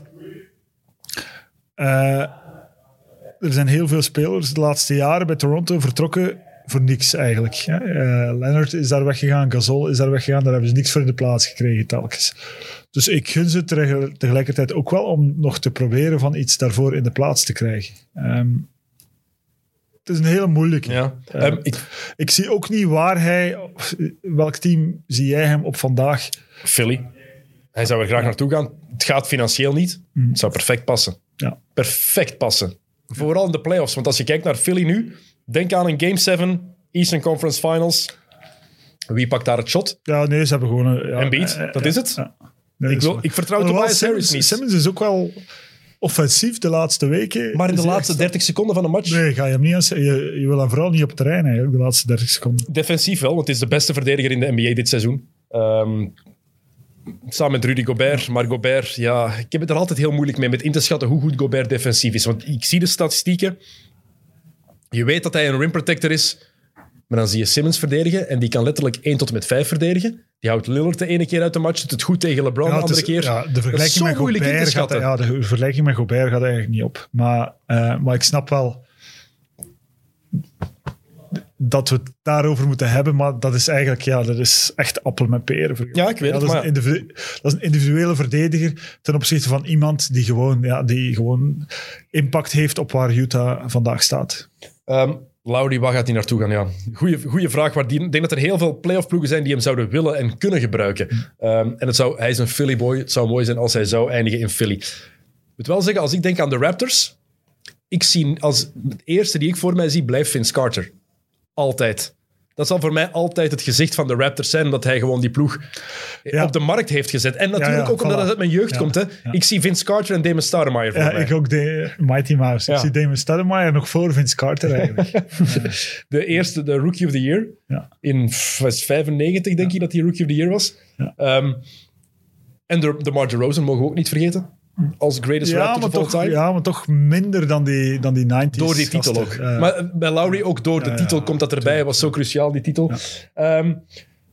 Nog een paar trade dingen eigenlijk. eh, Zeggen we die ik gehoord en gelezen heb. De Warriors zouden interesse hebben in Victor Oladipo. En ik begrijp daar niks van. Ehm, ik, Waarom? ehm, ja, ik snap dat Houston Ja, de markt aan het aftasten is. Eh, zeker gezien waar ze nu staan. Maar ik snap ook niet waarom je Oladipo... Ik geloof wel heel erg in Oladipo, meer, dan- meer dan jij. Eh, ondanks die zware blessure. dat is de enige reden. Hè? Ja, Mhm. ehm, geloof ik nog steeds in Oladipo. Ehm, maar daarom niet bij de Warriors. Ik zie ook niet... Natuurlijk, ja... Het is ook maar voor hoe lang gaan ze hem houden, want hij is einde contract na dit seizoen. Dus ze kunnen hem niet... Ze kunnen hem geen Nee, nieuw contract geven, want ze hebben Wiggins, ze hebben Clay, ze hebben Steph, ze hebben Draymond. Natuurlijk, als je in het Westen erin slaagt van nu iets toe te voegen dat je in staat stelt om tien wedstrijden op rij te winnen, dan ben je erbij. En dat maakt natuurlijk dag en nacht verschil. Eh, want als je ziet hoe, hoe, hoe spannend het weer gaat zijn voor die, voor die playoff plekken, hè, tot, eh, vier, nee, vijf tot en met tien ongeveer. Ehm, ja, dat is terug een strijd. En ik snap dan wel dat je het gevoel hebt dat je iets moet doen. En bij Houston... Oladipo naast Curry en Wiggins gaan zetten, dat lijkt me En, en hele wat dan? Stel je voor dat je dan Wiggins daarvoor opgeeft. En dan heb je volgend jaar Curry, Thompson en Oladipo. Dat zie ik ook niet werken. Nee. Ik, Dat ik is zie dat niet. Nee. En je hebt dan, oké, je hebt Wiseman, je hebt Kevin Looney, je hebt wel opties, maar dat zie ik niet. Ehm, Houston trouwens, die moeten beginnen verliezen, echt. Je zei dat straks al, sommige ploegen moeten verliezen. Als ze geen top 4 pick hebben, dan krijgen zij de slechtste pick van die van, van hen, Miami of OKC. In een ingewikkelde trade die gebeurd is. Dus als hun pick na de lottery uit de top 4 valt, krijgen ze de slechtste van die drie ploegen. De beste gaat naar OKC, sowieso. Ehm, en dan Miami, maar het kan even goed zijn als zij dus de vijfde pick zouden hebben, dat die dan voor OKC is. Pak dat zij nummer 8 zijn, dat die achtste pick dan naar Miami gaat en dat zij de pick van Miami krijgen die bijvoorbeeld nummer 23 is. Ik vraag me soms af van hoe men dat allemaal bijhoudt. Best- Bestaat daar een soort algoritme, software systeem voor? Als je als nieuwe GM in een club komt, van eh, dit jaar ziet het er zo uit, maar volgend jaar ziet het... Want oh, op de deur weet je dat niet meer. Ja, want Eh, je hebt ook protected picks die dan het jaar daarna minder protected zijn of unprotected worden. En Ja, en er zijn ook nog heel veel rechten van spelers die nooit in de NBA gespeeld, gespeeld hebben. Die plots nog hè, gedraft in 2012, nooit in de NBA gespeeld. Maar we acquired his rights. En dan denk ik van, wie houdt dat allemaal ja, weet je wie er dit jaar nog getrade is? De rechten voor wie? Sergio Lul. Axel Hervel. Ah, echt? Axel Hervel, die mens is op pensioen. die zijn rechten Ik zijn. had gezien dat Lil nog Ook. ergens eh, En- passeerde. Ante Tomic, Ja, ja, Ante Tomic ook. Klopt. Ja. Allee, die, die speelt wel nog. die speelt nog. Maar Axel Hervel, Ja. allee, Misschien moeten we nog eens proberen. nou, terug naar de NBA. de enige Belg die ooit gedraft is voorlopig. Ja, Jij bent nooit gedraft geweest. nee. Ik zat wel zo, maar dat was echt ook nog het pre-internet tijdperk. En toen had je zo de Blue Ribbon. Dat was zo elk jaar een overzicht van alle top prospects van alle colleges. En bij international prospects hadden dan zo één pagina in heel dat boek. Dat was een heel dik boek. En op, dat, ehm, op die ene pagina stond mijn naam wel, maar echt helemaal onderaan van eh, dat ik bij de prospects was. Eh, en ehm, Milwaukee heeft me toen zo'n halve belofte gedaan ehm, dat ze mij, eh, als ze er niet in slaagden van een goede center te pikken in de eerste ronde, dat ze een point guard gingen pikken en dat ze mij in de tweede ronde gingen kiezen. En toen hebben ze Joel Prisbilla in de eerste ronde gedraft, waardoor ze een point guard in de tweede ronde gepikt hebben. Goeie center, Joe Prisbilla. Prima. Maar goed, eh, tot zover mijn draftverhaal. Ehm, gewoon ja of nee. Denk je dat Frans Blijenberg gedraft wordt dit jaar? Want ik zie wel, als ik kijk naar de mock drafts, in de eerste ronde staat hij nergens tussen in de mock drafts van de, van de States, waar ze natuurlijk veel meer weten waar de ploegen naartoe willen gaan. In de tweede ronde zie ik zijn naam wel vaker verschijnen, maar vooral van mensen die nog buiten de top 60 zijn, maar wel een opmars aan het maken zijn, blijkbaar. Of waar meer en meer Eh, ik denk niet dat hij gedraft wordt, maar al- ik vraag me af. En, eh, het is cool om gedraft te worden, maar zoals ik er vroeger naar keek, als je niet in de eerste ronde gedraft wordt, kan je beter niet gedraft worden. Eh, Financieel alleen al. dat, en dan heb je tenminste je eigen lot nog in je eigen handen en dan kan je workouts gaan doen en dan kan je op die manier proberen. En zeker op vandaag heb je met heel dat G-League systeem heb je wel nog een manier om er heel dicht tegenaan te leunen, dat, dat je rechten in een tweede ronde ergens belanden eh, waar dan nooit iets van komt en dan zit je echt vast. Kijk naar Fred Van Vliet. Dat is het mooiste voorbeeld. Hij heeft op zichzelf gewet, hij wilde niet gedraft worden in de tweede ronde. Na de eerste ronde gezegd, nope, ik wil het niet. Ik wil mijn eigen weg vinden. En het is de goede weg gebleken. Nu, er zijn ook mooie voorbeelden uit de tweede ronde. Nikola Jokic is, om er maar eentje te noemen.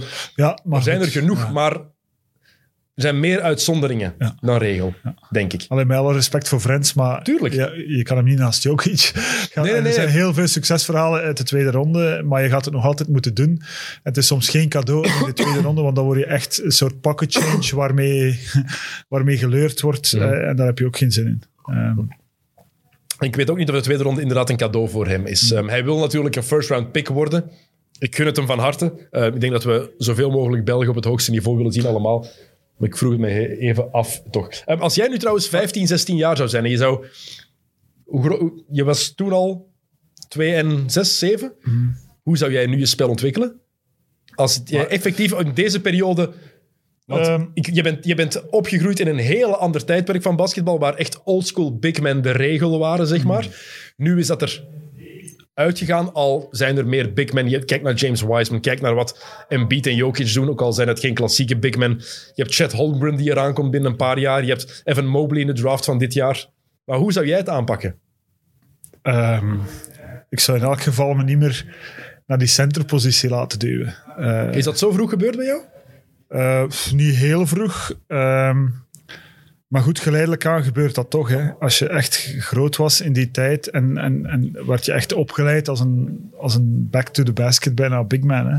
Eh, terwijl ik daar niet voor gebouwd was. En ook mijn speelstijl eigenlijk tot zo 14, 15 jaar eigenlijk ook heel anders. Ik was meer een, een 4-3 dan dat ik eh, een 4-5 was op dat moment. Mhm. Ehm, en, en, en, en, en plots was ik een 5 eh, en was ik 214 en, en, en werd je in een bepaalde rol geduwd. Ehm, dus ja, ik zou dat helemaal anders aanpakken. Ik denk ook ehm, dat ik met de kwaliteiten die ik toen had, in de manier over, waarover dat er nu, eh, hoe er nu over nagedacht wordt en hoe er nu mee omgegaan wordt, dat mijn kans veel groter zou geweest zijn om de NBA te halen dan hoe er toen eh, over nagedacht werd. Eh, ik heb er misschien ook niet alles aan gedaan. En dan bedoel ik niet eh, op het vlak van training, maar eh, ook gewoon op het vlak van eh, keuzes maken.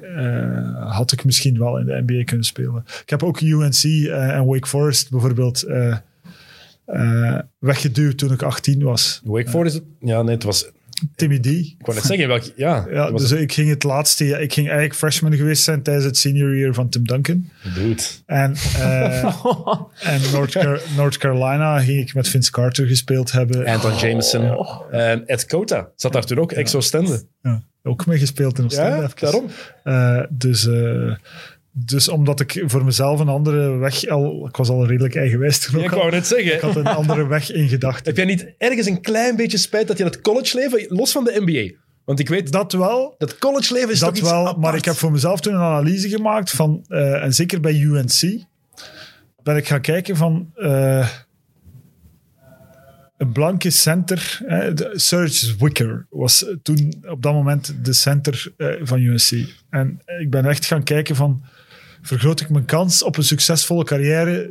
Eh, want eh, ik, ik was toen ook heel tenger en eh, heel veel van die grote scholen, hè, want eh, er waren echt tientallen scholen die me probeerden te recruiten, ehm, wilden me een jaar redshirten. Dat zag ik eigenlijk ook al niet zitten, om een jaar geen wedstrijden te spelen. Ik speelde ik. veel te graag basketbal. Ja, dat snap ik. Ehm, en, en al die grote scholen wilden eigenlijk graag een jaar redshirten. En dan dacht ik van, pff, beetje gaan trainen en geen matches spelen of wat. Eh, dus ehm, ik, had toen, heeft wel gelijk, je heeft wel gelijk Ja. daarop. ik had toen ook wel al wat knieproblemen. Ehm, dus ja, het was een samenloop van omstandigheden. eh, waardoor het toen niet... eh, en dat is misschien een keuze die ik vandaag... dat was ook allemaal nieuw, die info was er niet. Ja, ik werd midden in de nacht, of mijn ouders werden midden in de nacht opgebeld door al die scholen die totaal geen rekening hielden met, met uurverschil. We kregen al die media guides en die boeken in de post toen nog. Hè. Dat was echt nog het pre-internet. Internet was pas uitgevonden, dus dat was helemaal anders dan vandaag. Vandaag zou je heel, heel andere overwegingen maken. Ik ben ook jaloers op de gasten die vandaag spelen. Ehm, de manieren die er zijn om te trainen. eh, eh, voeding, eh, alles dat krachttraining is, hoe daar vandaag, oef, vergeleken met 20 jaar geleden, dat is gewoon dag en nacht verschil. Ik De, zou- de evolutie die daarin is doorgemaakt is dat gigantisch. Echt in een korte periode. Hè? Dat is echt niet normaal. Wij, bij ons was dat echt natte vingerwerk allemaal nog. Dat was echt zo van, ja, je, je moet meer in de gym gaan zitten. En dan ging je gewoon naar de fitness en je zes oefeningen en dacht je dat je goed bezig was hè, op van die toestellen. Vandaag, ja, dat is echt... Ik ben daar, soms ben ik daar wel jaloers op van... Welke speler zou ik kunnen geworden zijn, hadden we, dat, hadden we die kennis toen allemaal gehad. Wat Dus, voor, eh, maar wat voor speler denk je dat je effectief geworden zou zijn? Want kijk bijvoorbeeld naar Anthony Davis, wat zijn grote geluk is geweest. Geluk is maar ik heb... Die, ik heb- die is ja. begonnen als point guard. Oké, die was ook kleiner, heeft later zijn groeischeut gekregen dan jij. Dat was helemaal anders. Maar, Maar ik ik heb ook nog point guard gespeeld in de jeugd en zo. Hè. Dus eh, eh, ik, ik, goed, ik, ik wil mezelf totaal niet vergelijken met Anthony Davis, die ik pff, misschien wel de meest getalenteerde speler in de NBA vind. Als je size en Ja. talent en skill samenlegt. Eh, maar maar ehm, ik ging wel niet de speler geworden zijn die ik nu geworden ben, denk ik. Eh, ik heb ook een aantal keuzes moeten maken tijdens mijn carrière eh, over welk, welke speler dat ik wilde zijn en zo. Dus, eh, Was dat moeilijk eigenlijk? Tijdens je, om, ik kan me inbeelden dat het niet gemakkelijk is om tijdens een carrière te zeggen: Oké, nu ga ik mij vooral daarop richten. Of, ja. het zijn, zware, dat zijn wel zware beslissingen die je moet nemen. hè. Ja, maar goed, je doet dat in functie van het team. En dan ook... eh, ik kon eigenlijk vrij goed shotten tot mijn 2,23.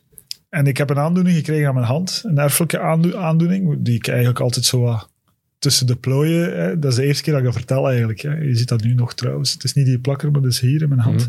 In mijn shothand. Ehm, waardoor dat... eh, ik ben er ook twee keer aan geopereerd. Ehm, waardoor mijn hand eigenlijk een beetje krom trok. En ik plots geconfronteerd werd met het feit dat mijn shot echt En toen heb ik echt moeten kijken van... Oké, ik moet mezelf ergens heruitvinden als speler. Want ik was eigenlijk... Daarvoor was ik niet... Ik was niet die atletische speler eh, die ook eh, een heel aantal kilo's lichter was dan in het begin van mijn carrière, in de tweede helft van mijn carrière. Maar dat is echt een soort, ja, ge- eigenlijk mm, gepivoteerd binnen mijn carrière van oké, hoe kan ik hier nog impactvol zijn? En dat gaat niet meer zijn door te shotten. Eh, En mijn vrijwoordpercentage is toen dramatisch gezakt en zo. En Want door die handaandoening kon je geen deftige follow-through meer hebben. Je kon de bal niet meer van je hand pols laten bijna gaan. niet meer plooien. Dus mijn, ik- redelijk ik, cruciaal. ja, ik, ik shotte bijna met een gestrekte pols. Eh, dus ja, ik was dat volledig kwijt. De laatste jaren in mijn carrière had ik het gevoel dat mijn linkerhand beter was dan mijn rechterhand, om u een idee te geven. Dus dat was echt ook in, allee, niet alleen toen ik al terug was in Oostende, ook ervoor. Maar goed, ik had de manier gevonden daar rond. Hè, Eh, ehm, omdat ik dan een echte pick-and-roll speler geworden ben. Eh, En nooit overwogen om vrijworpen met links te gaan shotten? is je heel vaak overwogen, maar die drempel was toch heel hoog. omdat, je, omdat ik dan aan mezelf ook moest toegeven van dit klopt niet. Terwijl ja, ik shotte 60% vrijworpen. Er is nog altijd slechter dan 60%. Dat is waar. Ja, dus eh, ja, dus eh, als er van 5, 3 binnen gaan, dan savan nog. Eh, dus ja, dat, dat knaagt niet, maar goed, dat heeft allemaal impact gehad op de speler die ik geworden ben, waardoor ik denk ik nooit het maximale potentieel, maar wel het maximale gezien de mogelijkheden Want ik denk wel dat als ze die, die, die aandoening aan je hand, die blessure, in, stel dat hij in deze periode prof was geweest, dat hij wel met links was gaan shotten.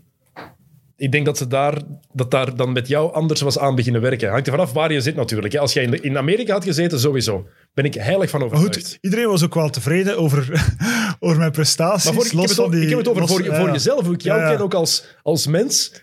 Dan denk ik van, ja, jouw ambitie is op zich gre- grenzeloos, mag ik toch wel zeggen, denk ik. Mhm. Dan, denk, dan ga ik ervan uit dat als jij nu zou gespeeld hebben met hoe de, de, de, de nadruk op shooting is op dit moment, hoe belangrijk dat is, dat jij linkshandig was gaan shotten. Daar ben ik vrij zeker van. Ja, dat kan. Maar ik weet niet of, dat, of dat je dat echt nog rechtgetrokken... Allee, of, dat, of dat je dat echt Misschien moet je daar de komende maanden eens gewoon thuis gewoon met links beginnen shotten en eens zien wat Maar ik wil het nu ook niet laten klinken alsof eh, mijn carrière is supergoed gelopen. Hè. En, eh, Tuurlijk. En, eh, en op zich was dat ook geen drama dat dat gebeurde. Maar ik ging wel een heel andere speler geweest zijn, was dat niet gebeurd. Maar is er dan geen trainer geweest of zo die dat ook merkte van, ah oei, daar moet iets aan gedaan worden? Die daaraan heeft Nee, omdat, mee- mij, eh, omdat ik eh, heel veel andere dingen deed. En shooting was niet... eh, ik was ook niet diegene die met persoonlijke statistische ambities ergens stond of zo. Ik wou gewoon matchen winnen. En hoe dat, dat gebeurde, dat, dat speelde op dat moment geen rol. Oké, Dat is ook iets, die hand, dat is ook iets dat, ja, je staat er eigenlijk niet bij stil tot als je begint vast te stellen van eigenlijk heeft dat wel impact. Natuurlijk. Maar de eerste keer dat ik geopereerd was, was dat weer oké voor een tijdje. Mhm. en, eh, maar goed, oké, maar goed. Allemaal niet zo erg. Lang, lang, lang geleden. Je had sowieso drie punters gepakt in, deze, in dit Eh, era. ik was- Sowieso. ja, toen ik nog, eh, voor ik naar buitenland gegaan ben, ehm, speelde ik in Oostende. En zo, mijn range was zo net geen driepunters. En dat was soms wel zo wat frustrerend. Mijn range was zo, ja, zo een half metertje voor de driepuntlijn was zo mijn range. Eh, maar toen was de driepunter ook nog net iets minder belangrijk dan Brooke nu. Lopez Ja, is een shooter geworden, Ja. Thomas. Ja. Brooke Lopez kon, die had die range niet in zijn jonge dagen. Dus ik kon maar zeggen, Ja. die was sowieso een shotter geworden. Ehm, een van de, ik kon nog iets anders vertellen. Een van de beste verhalen die ik gehoord heb in de NBA afgelopen jaar, denk ik. Paul George heeft een match gemist. Omdat hij duizelig was. Want hij had te veel koffie gedronken. Dat kan. Officiële reden. Een NBA-match missen omdat je te veel koffie hebt gedronken, Thomas, dat kan Maar echt niet. Wie communiceert dat ook gewoon? ik, ik luister en lees veel dingen. Ik weet niet meer waar ik dit vandaan heb gehaald. Maar sorry, nee. Nee, nee, nee. Het kan niet. Je, Je kan te veel koffie drinken en daar duizelig van zijn. dat is waar. Maar als NBA-speler om daardoor een match te missen. Nee. Gast, zet u er eens over. Speelt dan duizelig, hè? Allee, ik vond dat waanzinnig om te lezen. Ik heb er ook heel hard mee gelachen. Ja, ik snap het niet. Want je moet wel heel veel koffie drinken om daar duizelig van te zijn. Echt, hoeveel, hoeveel flat whites drinkt hij? Hoeveel shotjes espresso drinkt hij? Wat voor straffe Ik koffie? denk maar- vanaf acht koppen ongeveer. Dat, dat, cafeïne staat niet op de dopinglijst, omdat een voorwaarde van doping is dat hoe meer je dat je ervan neemt, hoe beter je prestaties worden. En cafeïne is, is, is iets waarvan dat je initieel beter wordt, Mhm. maar een keer dat je de kop te veel drinkt, word je veel slechter. Cannabis staat toch wel op de dopinglijst? Hoe meer cannabis je gebruikt, ik denk niet dat je daar beter van gaat beginnen Ja, maar- basketten. hoor. Maar, maar er zijn drie voorwaarden. En je moet aan twee van de drie voldoen, denk ik, om doping te... Allee. Een product moet aan twee van de drie voldoen. En één daarvan, en cafeïne is niet omdat je... Op een bepaald moment krijg je echt eh, de downfall. En ik weet niet waar dat de drempel ligt van Paul George, Ik maar die ligt redelijk laag. Ik weet, Rick Samai die dronk voor elke wedstrijd een tas koffie. Dat is wat zijn gewoonte eh, als Ik speler. dronk verschillende koffies voor de wedstrijd. Ja? Gewoon even die cafeïne punch te krijgen. Ik had een thermos mee altijd. Echt waar. Eh, omdat, eh, maar dat was vooral in Spanje, omdat wij, wij spelen om half één op zondags, middags. Ja. Ja, Ja, nee, nee. je bent er dan Dat snap ik. Op de zondagmorgen om half elf moet je daar je eerste shotjes pakken en denken we, shit, eh, binnen twee uur moeten wij al spelen. eh, eh, en dan om wakker te worden dronk ik wel een koffie of twee, drie. Ja. Maar Boris Diaw, die had zijn eigen koffiemachine in zijn, in zijn, eh, in zijn locker. Nog beter. Ah, kijk, het is, we nemen dit op op vrijdagmiddag voor mensen die het zich afvragen. Uh, Mathieu van der Poel heeft net de derde rit in de Terreno Adriatico gewonnen. Dus voilà, dat, daarom wat lawaai hier beneden. Van, dus Van Aert, Alaphilippe, Van der Poel zijn de winnaars in de Terreno voorlopig. De drie ritten. Dat vind ik heel graag. Niet slecht. De Big Three. Dat vind ik echt heel cool. Dat vind ik echt heel cool. Ehm, hoe vaak vind jij dat Patrick Ewing zich moet identificeren in Madison Square Garden? Ik heb, ik heb het filmpje gezien, ik heb wel enorm hard gelachen. Ik vond het ook een schande. Maar dat is echt een schande. Echt waar? Maar die man zou zijn eigen ingang moeten hebben. Dank die, u. Die zou de sleutels moeten hebben Dank van u. Madison Square Garden. Ja. Dat is echt waar. En hij had echt gelijk. ja. Eén keer Ja. bij het binnenkomen of zo. Maar eenmaal die mens in de zaal is, dat is Patrick fucking Ewing. Nee, die zei... Is, Isn't it my shirt hanging in the rafters here? De reden dat New York relevant is geweest van 1985 tot en met 2000 Is was- Patrick is Ewing. Patrick Ewing. Ja. En het is een van de beste college-spelers ooit al daarvoor in Georgetown. Hij moest daar spelen met Georgetown, denk ik, met zijn, Ja, waar hij nu coach ja. is. Ja, hoe- allee, zelfs al weet je niks van basket in Amerika. Ik moet wel zeggen, hè, Patrick Kom. Ewing is niet zo'n succesvolle coach geweest na zijn carrière. Hij heeft wel een aantal... heeft ook nooit de kans gekregen als Nee. headcoach. hè. Maar goed, eh, en, en, en ik weet niet of hij er de persoonlijkheid voor had. Maar dit was toch wel zijn beste interventie op een pressconference tot nu toe sinds hij gestopt is. Maar Ja. ja, dat was echt supergoed. Ik, ik, ik vind dat onwaarschijnlijk. En Ja. Natuurlijk, bepaalde- ja, Dennis. eh, Misschien stond daar een 21-jarige die niet geboren was. Zo? Op het moment dat. eh, en dat- misschien was dat een interim of zo. En had hij nog nooit in Madison Square Garden gewerkt. En dacht hij, ja, ik moet hier mijn job doen. Hè. Ik Ja, je komt er vaak tegen. Hè. Er zijn een paar Jer- dingen. Jeremy Lin is ook ooit iets tegengehouden geweest. Daar Meerdere dat dan keren. van... eh, Als actieve speler Ja, dan ook. Dat is helemaal... Ook, ook bij New York. ook bij de niks. Als actieve speler. Volgens mij is het Dolan daar zelf achter. Die regelt dat. Is dat die zijn manier om de mensen te kloten? Maar je moet er gewoon... Sorry, als je werkt in Madison Square Garden, moet je dat weten. Net zoals als je een basketmatch gaat doen in Oostende. Als jij en Rick Samai daar aankomen... Ja, ze moeten wel in mijn ogen weten wie je bent. Of in Antwerpen, Willy Steveniers... Ik heb hem ook nooit zien spelen, maar ik weet wel wie de keizer is. Z- Bepaalde dingen moet je toch wel weten. Ja. Nee? Nee, nee, dat is waar. Allee, en zeker Pa- en Patrick Ewing voor de niks. Ik vond. Zijn er nog niks die je gratis eh, zou binnenlaten en die geen enkele keer zichzelf zouden moeten identificeren? Walt Frazier moet zich nooit identificeren, alleen al door zijn kleren. En die komt daar elke match omdat hij daar ook commentaar moet geven, maar die sowieso niet. Charles ook niet. Ja, die mag niet meer binnen waarschijnlijk. Sinds vorig jaar mag je niet meer binnen. Ehm, wie zou zich... Latrell Sprewell, zou die zich nog moeten... Zou die zijn ID Waar moeten laten zit hij zien? eigenlijk? Geen idee. Het laatste wat ik van Latrell Sprewell echt heb gehoord is dat hij het contract van de... Een miljoenencontract van de Timberwolves geweigerd had met de woorden eh, I, need to be- I need to feed my family. Ja, maar dat zijn ook heel veel mensen. Die, die heeft een goede zomer gehad met Sean Kemp. Die lockout, hè. Echt die lookout. Nee, ben aan het denken, welke Knicks zou dat zeker niet moeten laten zien? John Starks. Ja, Zo'n cultfiguur daar. Ja. Ook mijn favorite Nick of all time met voorsprong. hoeveel All-Star games? Eén. Perennial All-Star. Ja, Ja, niet goed niet. genoeg ervoor. Ja, net niet. Net niet. 1994, enige All-Star game.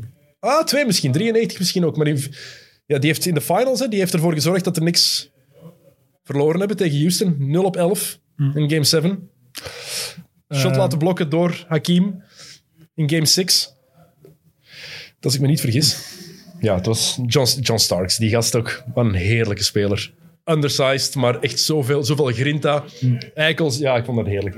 Lekkere eikel zijn op het veld ook. Ehm, het hele Myers-Leonard verhaal. Is dat waard om daar aandacht aan te besteden? Ik heb enkel de headlines gelezen, dus ik weet niet precies. Dus hij was, ik las eh, iets, iets antisemitisch, Ja, maar ik dacht, hij was daar ga ik van wegblijven. Hij was online, ehm, is, heel populair, is een populaire gamer. Ja. Dus hij was op Twitch live aan het streamen. Eh, zijn eigen stream. En terwijl heeft hij een eh, antisemitische belediging gebruikt. Ik ga het niet herhalen nu.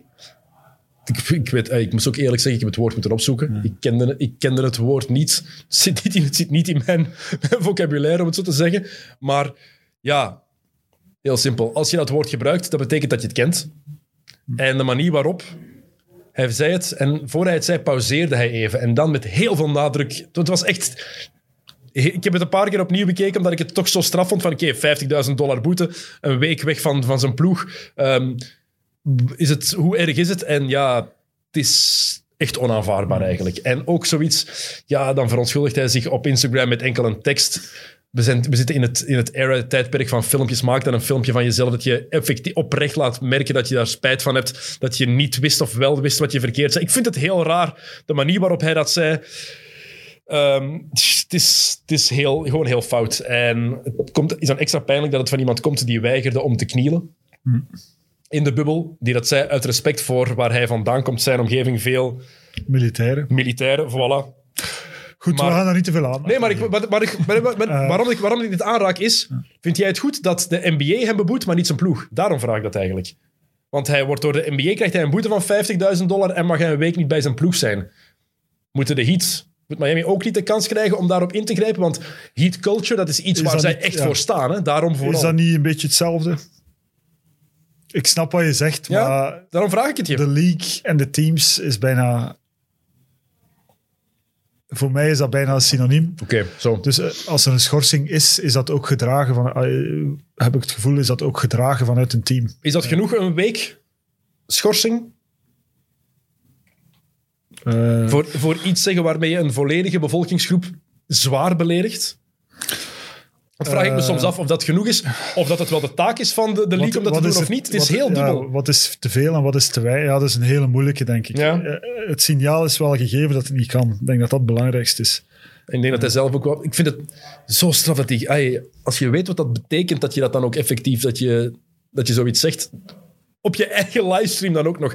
Is trouwens contract met Twitch kwijtgeraakt. Hij was echt een, gamer. Hij verdiende veel geld met zijn streams en hij gaat daar, gaat daar nog heel veel spijt van hebben van die uitspraak, want dat is serieus, heeft serieus verlies geleden. Ehm, gisteren was het exact een jaar geleden dat de NBA is moeten stoppen met spelen door de corona-uitbraak.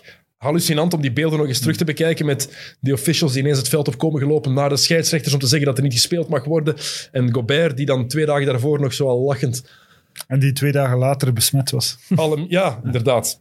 En dan nu blijkt dan dat het micro's aanraken, dat het eigenlijk niks of weinig uitmaakt, maar dat het toch niet op oppervlakte blijft hangen. Nog eens, ik heb al genoeg gezegd, ik ben geen viroloog. Ik doe niet alsof ik een amateur-viroloog ben.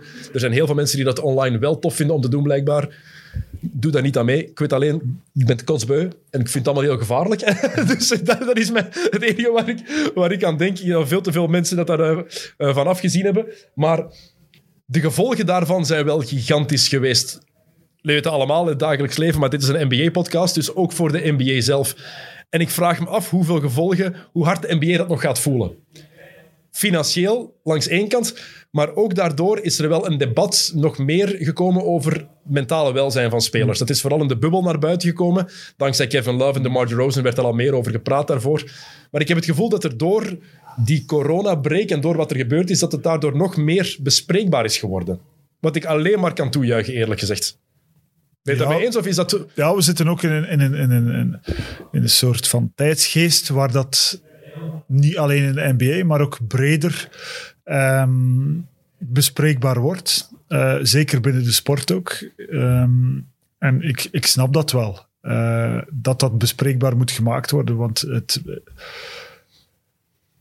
naar de buitenwereld toe, wij zien altijd eh, van buitenaf zien wij eh, de goede kanten altijd, maar het zijn niet alleen goede kanten. Hè. En, en, en we- staan ons vaak blind op het geld dat in die wereld omgaat, maar dat is ook niet het enige dat telt. Want dat wordt dan vaak gezegd. Ja, multimiljonair, hoe kan, hoe, hoe kan jij je nu slecht voelen? Ja, dat, staat er, dat staat totaal los van elkaar. En ik vind het wel belangrijk, en ik hoop dat dat besef er ook meer en meer aan het komen is van... Het is niet omdat je een bepaalde privileges hebt in je leven, of omdat je heel veel geld verdient en een mooie vrouw hebt, of een mooie man hebt, of whatever it is, dat je mentaal je goed voelt. Dat staat los van elkaar. Nee, je moet niet per se iets meegemaakt En- en- hebben ja, en om zonder, je slecht te voelen. en zonder afbreuk te willen doen aan, aan, eh, aan wat andere mensen meemaken. Topsport aan zich is op mentaal vlak geen cadeau. hè. En wel daarom dat ik er met jou over wilde praten. Eigenlijk. Omdat jij hebt jarenlang op het hoogste niveau gespeeld in Europa. Op, in een periode waarin er veel minder aandacht was voor mentale gezondheid, denk ik. Of werd daar bij jullie wel aandacht aan besteed? Nee, Bij Real, bij CSKA Moskou, twee van de grootste clubs in Europa.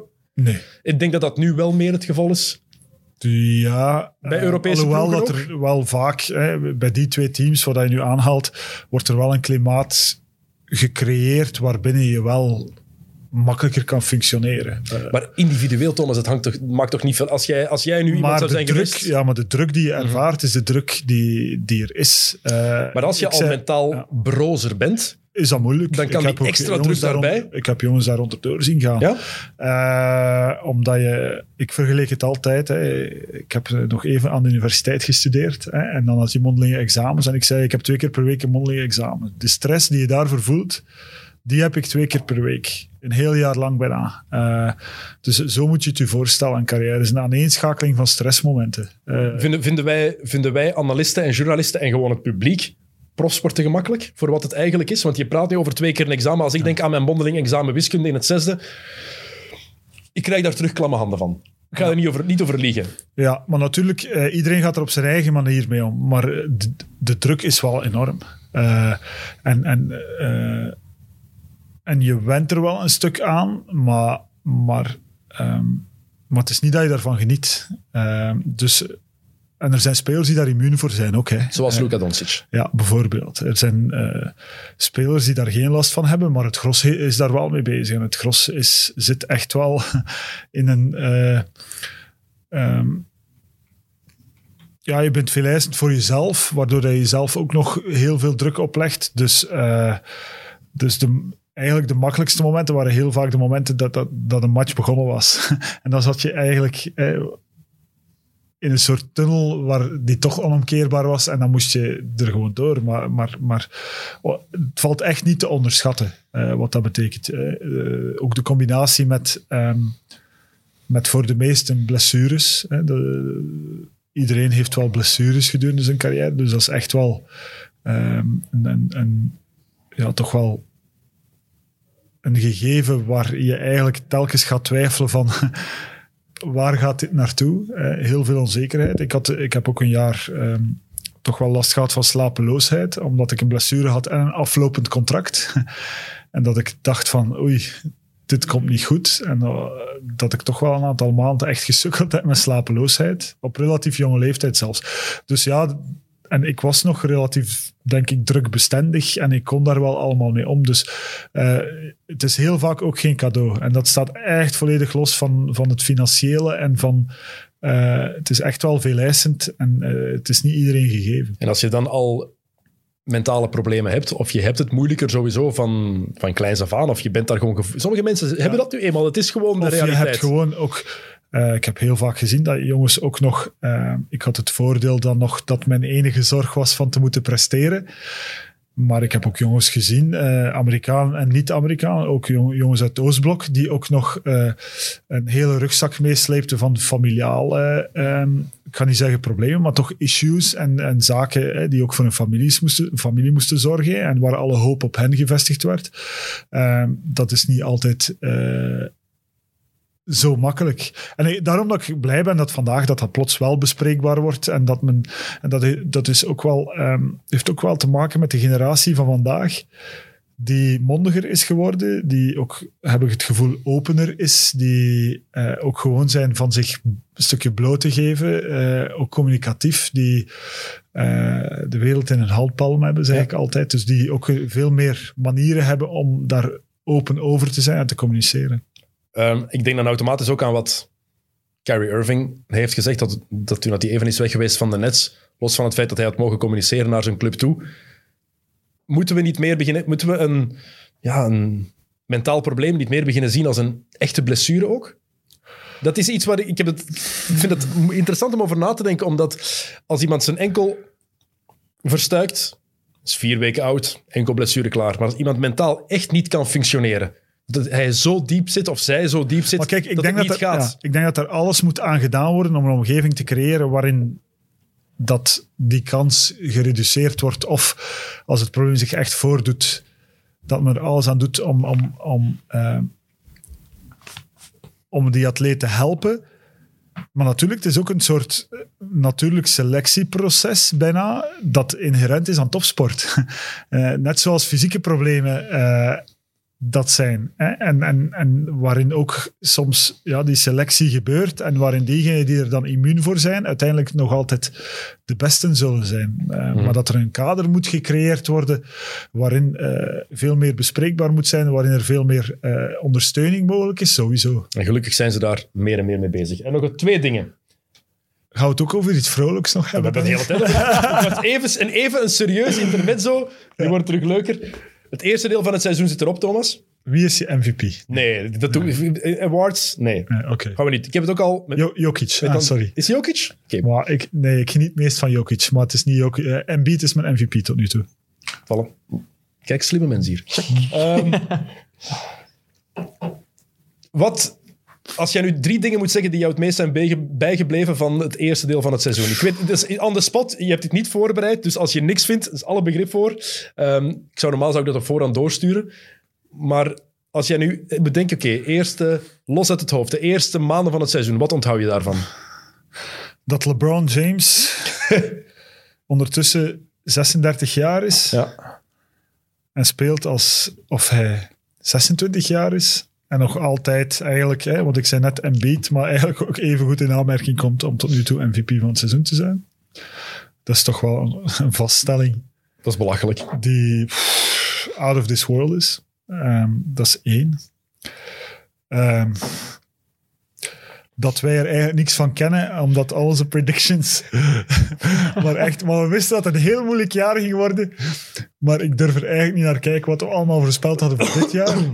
Maar dat het eigenlijk nergens op slaat wat we voorspeld hebben. Hè, maar dat ook het mooie is aan de NBA dit jaar, dat het heel onvoorspelbaar is. Ehm wat klopte, Dennis, dat we echt heel ver naast zaten met heel veel dingen die we Ik gezegd had Brooklyn op twee gezet, dat is het geval nu. Ja. Dat is het enige dat je jij, was, jij was aan het lachen met mij als het over Philly ging. Die staan, die staan al heel het seizoen op één. En, eh, Maar jij was ook degene die zei dat OKC geen match ging winnen dit jaar. en die, die gaan de playoffs halen.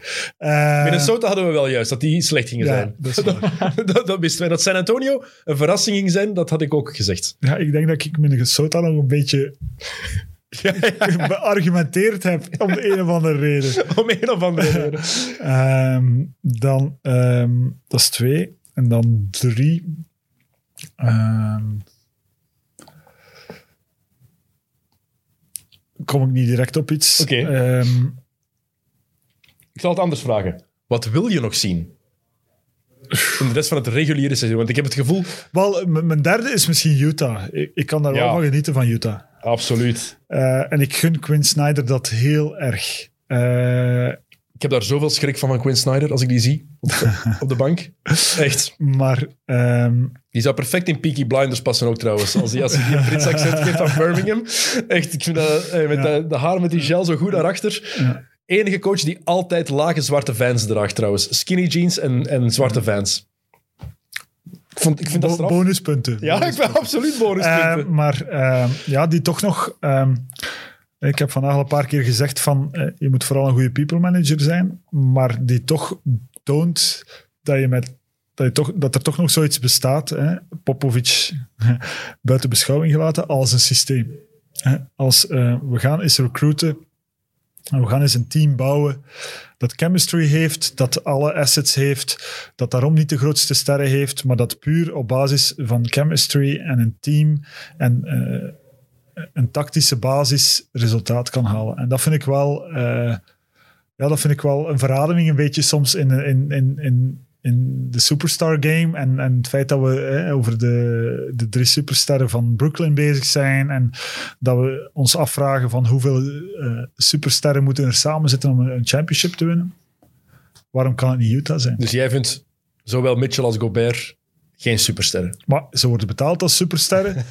maar maar, maar eh, het zijn niet Steph Curry, James Harden, LeBron James, eh, Kevin Durant. Dat zijn ze niet. Dat Donovan Mitchell wordt wel een beetje onderschat. Vind ik Ja, nog dat altijd. is waar. Maar ik denk toch dat hij niet dat aura heeft en die, en die impact zou hebben moest hij ergens anders zitten. Het is ook Utah, hè? En het is Utah gewoon. Eh, er is daar ook niks anders om te doen, dus dat is een voordeel. Ja, je kan er fantastisch snowboarden, blijkbaar. Ja. Heel het jaar door. Maar dat mogen ze niet. dat is waar. Maar, eh, maar dat vind ik wel een verademing. En dat je dan ook ziet dat een, spelers, een speler als Joe Ingles, die eigenlijk een pure roleplayer is, toch nog impact kan hebben eh, in de NBA. Ik had nooit gedacht dat hij de NBA ging halen. Zelfs toen ik, hem bij. Barcelona zag spelen, dacht ik... Ik heb daar vaak tegen gespeeld. En ik vond hij niet goed genoeg goed- bij Barcelona. Gewoon vond- van, ja, oké, ik speler. vond, ik vond dat een roleplayer bij Ja. Barcelona. Nu scoort hij denk ik een punt of twaalf gemiddeld.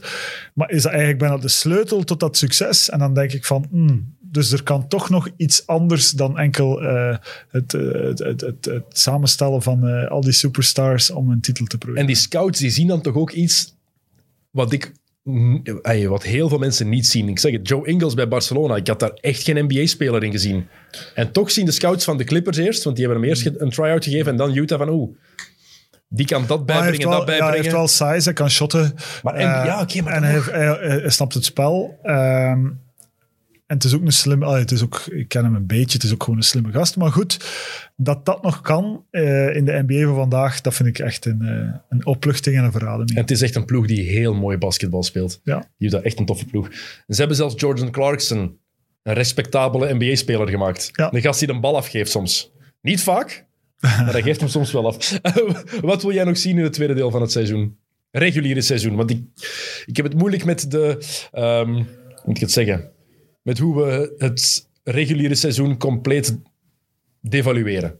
Ja, dit jaar iets beter, omdat ik echt... eh, ik keek er echt naar uit ook. Na die bubbel van vorig jaar, die ik zo beu was als ik al pap, eh, keek ik ook wel uit naar het reguliere seizoen. En het delivert wel. Ik vind dat er een beetje veel matchen nog wegvallen door COVID. Maar eh, het is wel een, een leuk seizoen om te volgen.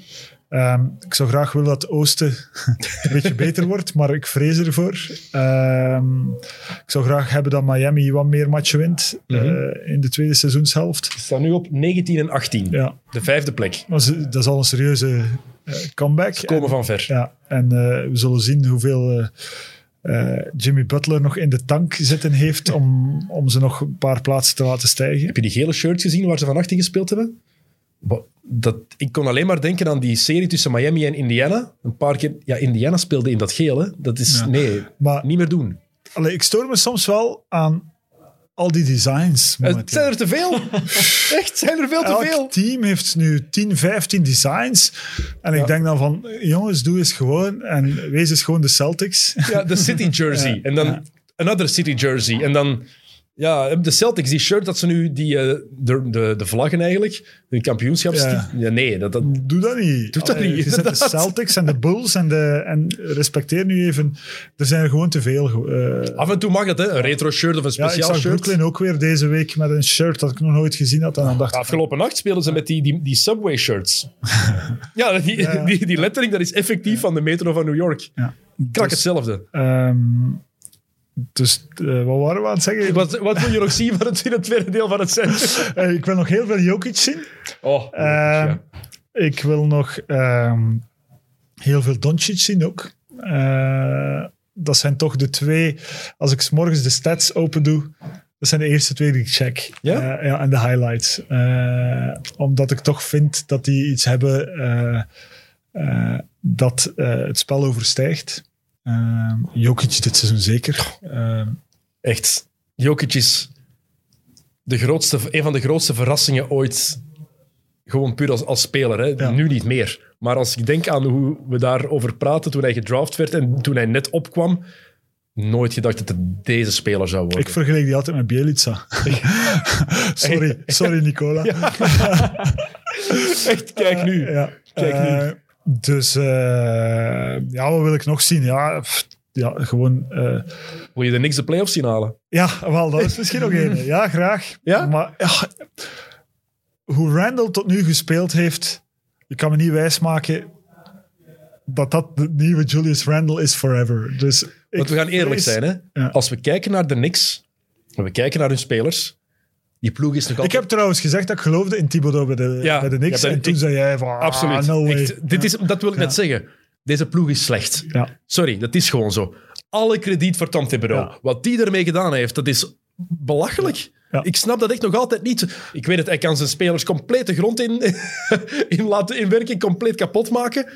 Maar nu werkt het voorlopig. Ja. Iedereen wil meedoen. Hij heeft Derrick Rose opnieuw. Elke ploeg waar Tom Thibodeau gezeten heeft, heeft hij Derrick Rose naartoe gehaald. Hè. Dat is hem altijd al gelukt. Maar wat die van deze ploeg maakt, hoe zij ineens weer karakter hebben en willen spelen. En tuurlijk, ik, een, je wil de niks, je wil de traditionele ploegen wil je altijd relevant zien. Lakers, Bulls, Celtics, Sixers, niks. Ja. Zijn zo de vijf grote traditionele ploegen van het begin van de NBA. Zo, die horen er ergens gewoon altijd bij. Dat is even heel oldschool, ik weet het, maar voor mij hoort dat zo.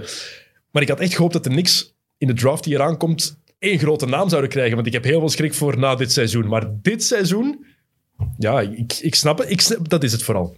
Je snapt begrijp- het niet ik van snap waar het niet, hoe komt nee, want er is, maar pff, de enige verklaring die ik heb is Julius Randle die ongelooflijk speelt. Ja. Want RJ Barrett scoort zijn 16, 17 punten die hij vorig jaar ook had. Ja, Hij komt er, ja, komt er niet echt door. Mhm. Dus eh, het is echt wel ehm De zoeken. De Maar graag. Als je kijkt wie nu op een playoff plek staat, het oosten. Het is op vrijdagmiddag, dus als, wat- alles wat er gebeurt in de nacht van vrijdag op zaterdag, ja, dat kunnen wij dus niet voorzien. Ehm 1, 2 en 3. Philly, Brooklyn, Milwaukee, dat lijkt vast te staan. Dat zijn de enige ploegen die deftig boven 50% zitten. Dan Boston en Miami op het randje. En dan 6, 7, 8. En 9, 10 zal ik meteen zeggen, want hè, eh, de playing game. New York, Charlotte, Atlanta. Dat is 6, 7, 8. En dan daaronder Toronto, Indiana. Chicago is weggevallen. Washington is... eh, Ik weet niet wat Washington is. Ik denk enkel Detroit kunnen we uittellen.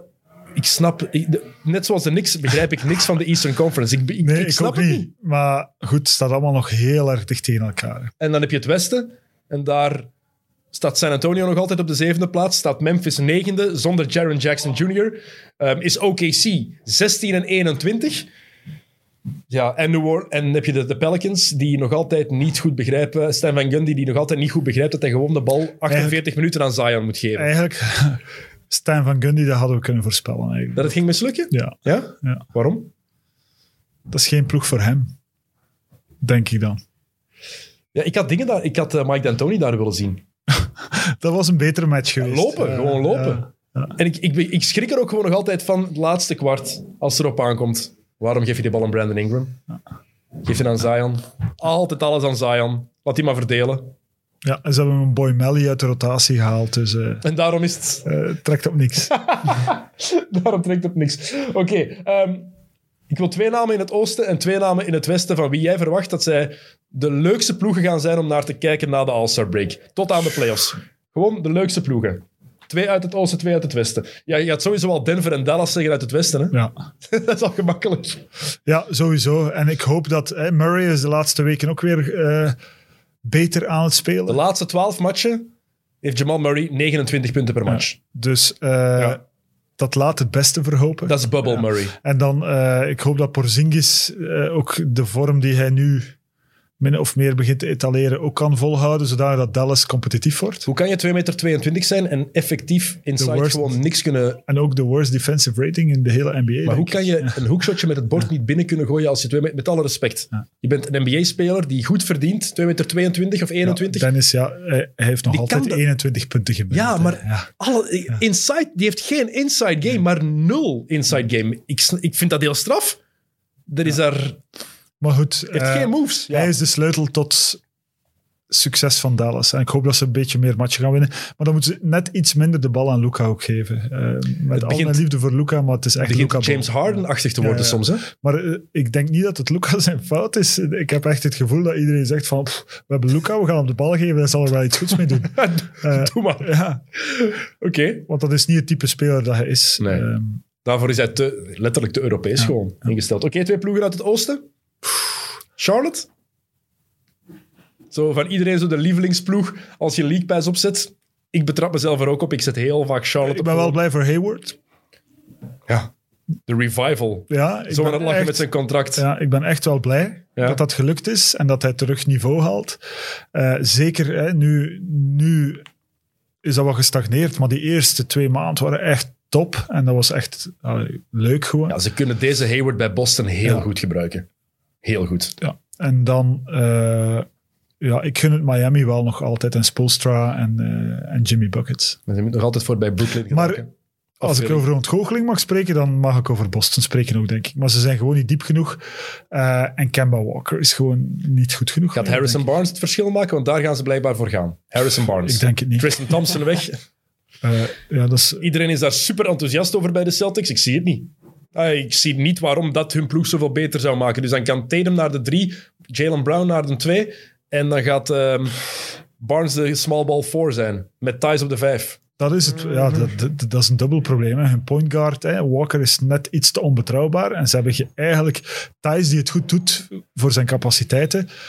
Maar dat is niet goed genoeg. Dat laatste is heel belangrijk voor zijn capaciteiten. Doet hij het het is- echt zeer goed, maar, maar daar zijn ze niet goed genoeg. En ze hebben geen bank. Eh, ze hebben echt geen bank. Jeff Teague is dat. Nee, nee. Ze hebben wel een goede rookie, vind ik. Richard.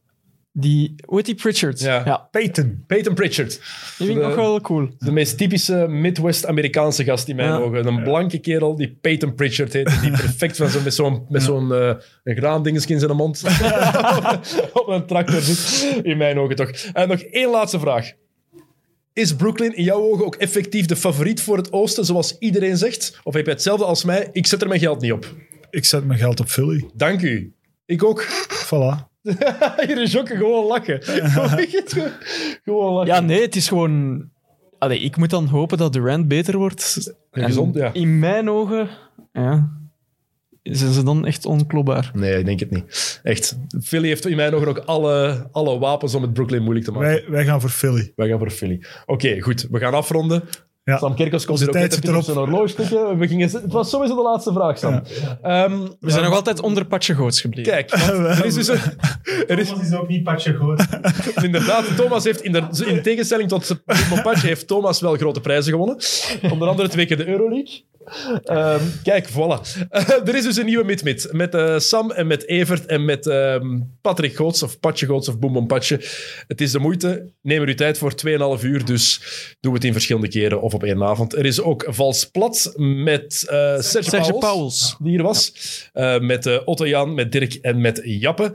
En is er nog iets dat ik moet zeggen? Kick and Rush is er ook weer natuurlijk met het vaste trio Jelle, Tim en Leroy. En wij zijn zo snel mogelijk terug. Ik weet nog niet met wie. Jong Mavo, als je dit zou horen of zien, ik wacht nog altijd op reactie. Tot wanneer je terugkomt. Het ging ergens in maart zijn, maar ik wacht nog altijd. Thomas, merci dat je er was. Het was plezant. Tot de volgende keer. Salut. Check it out.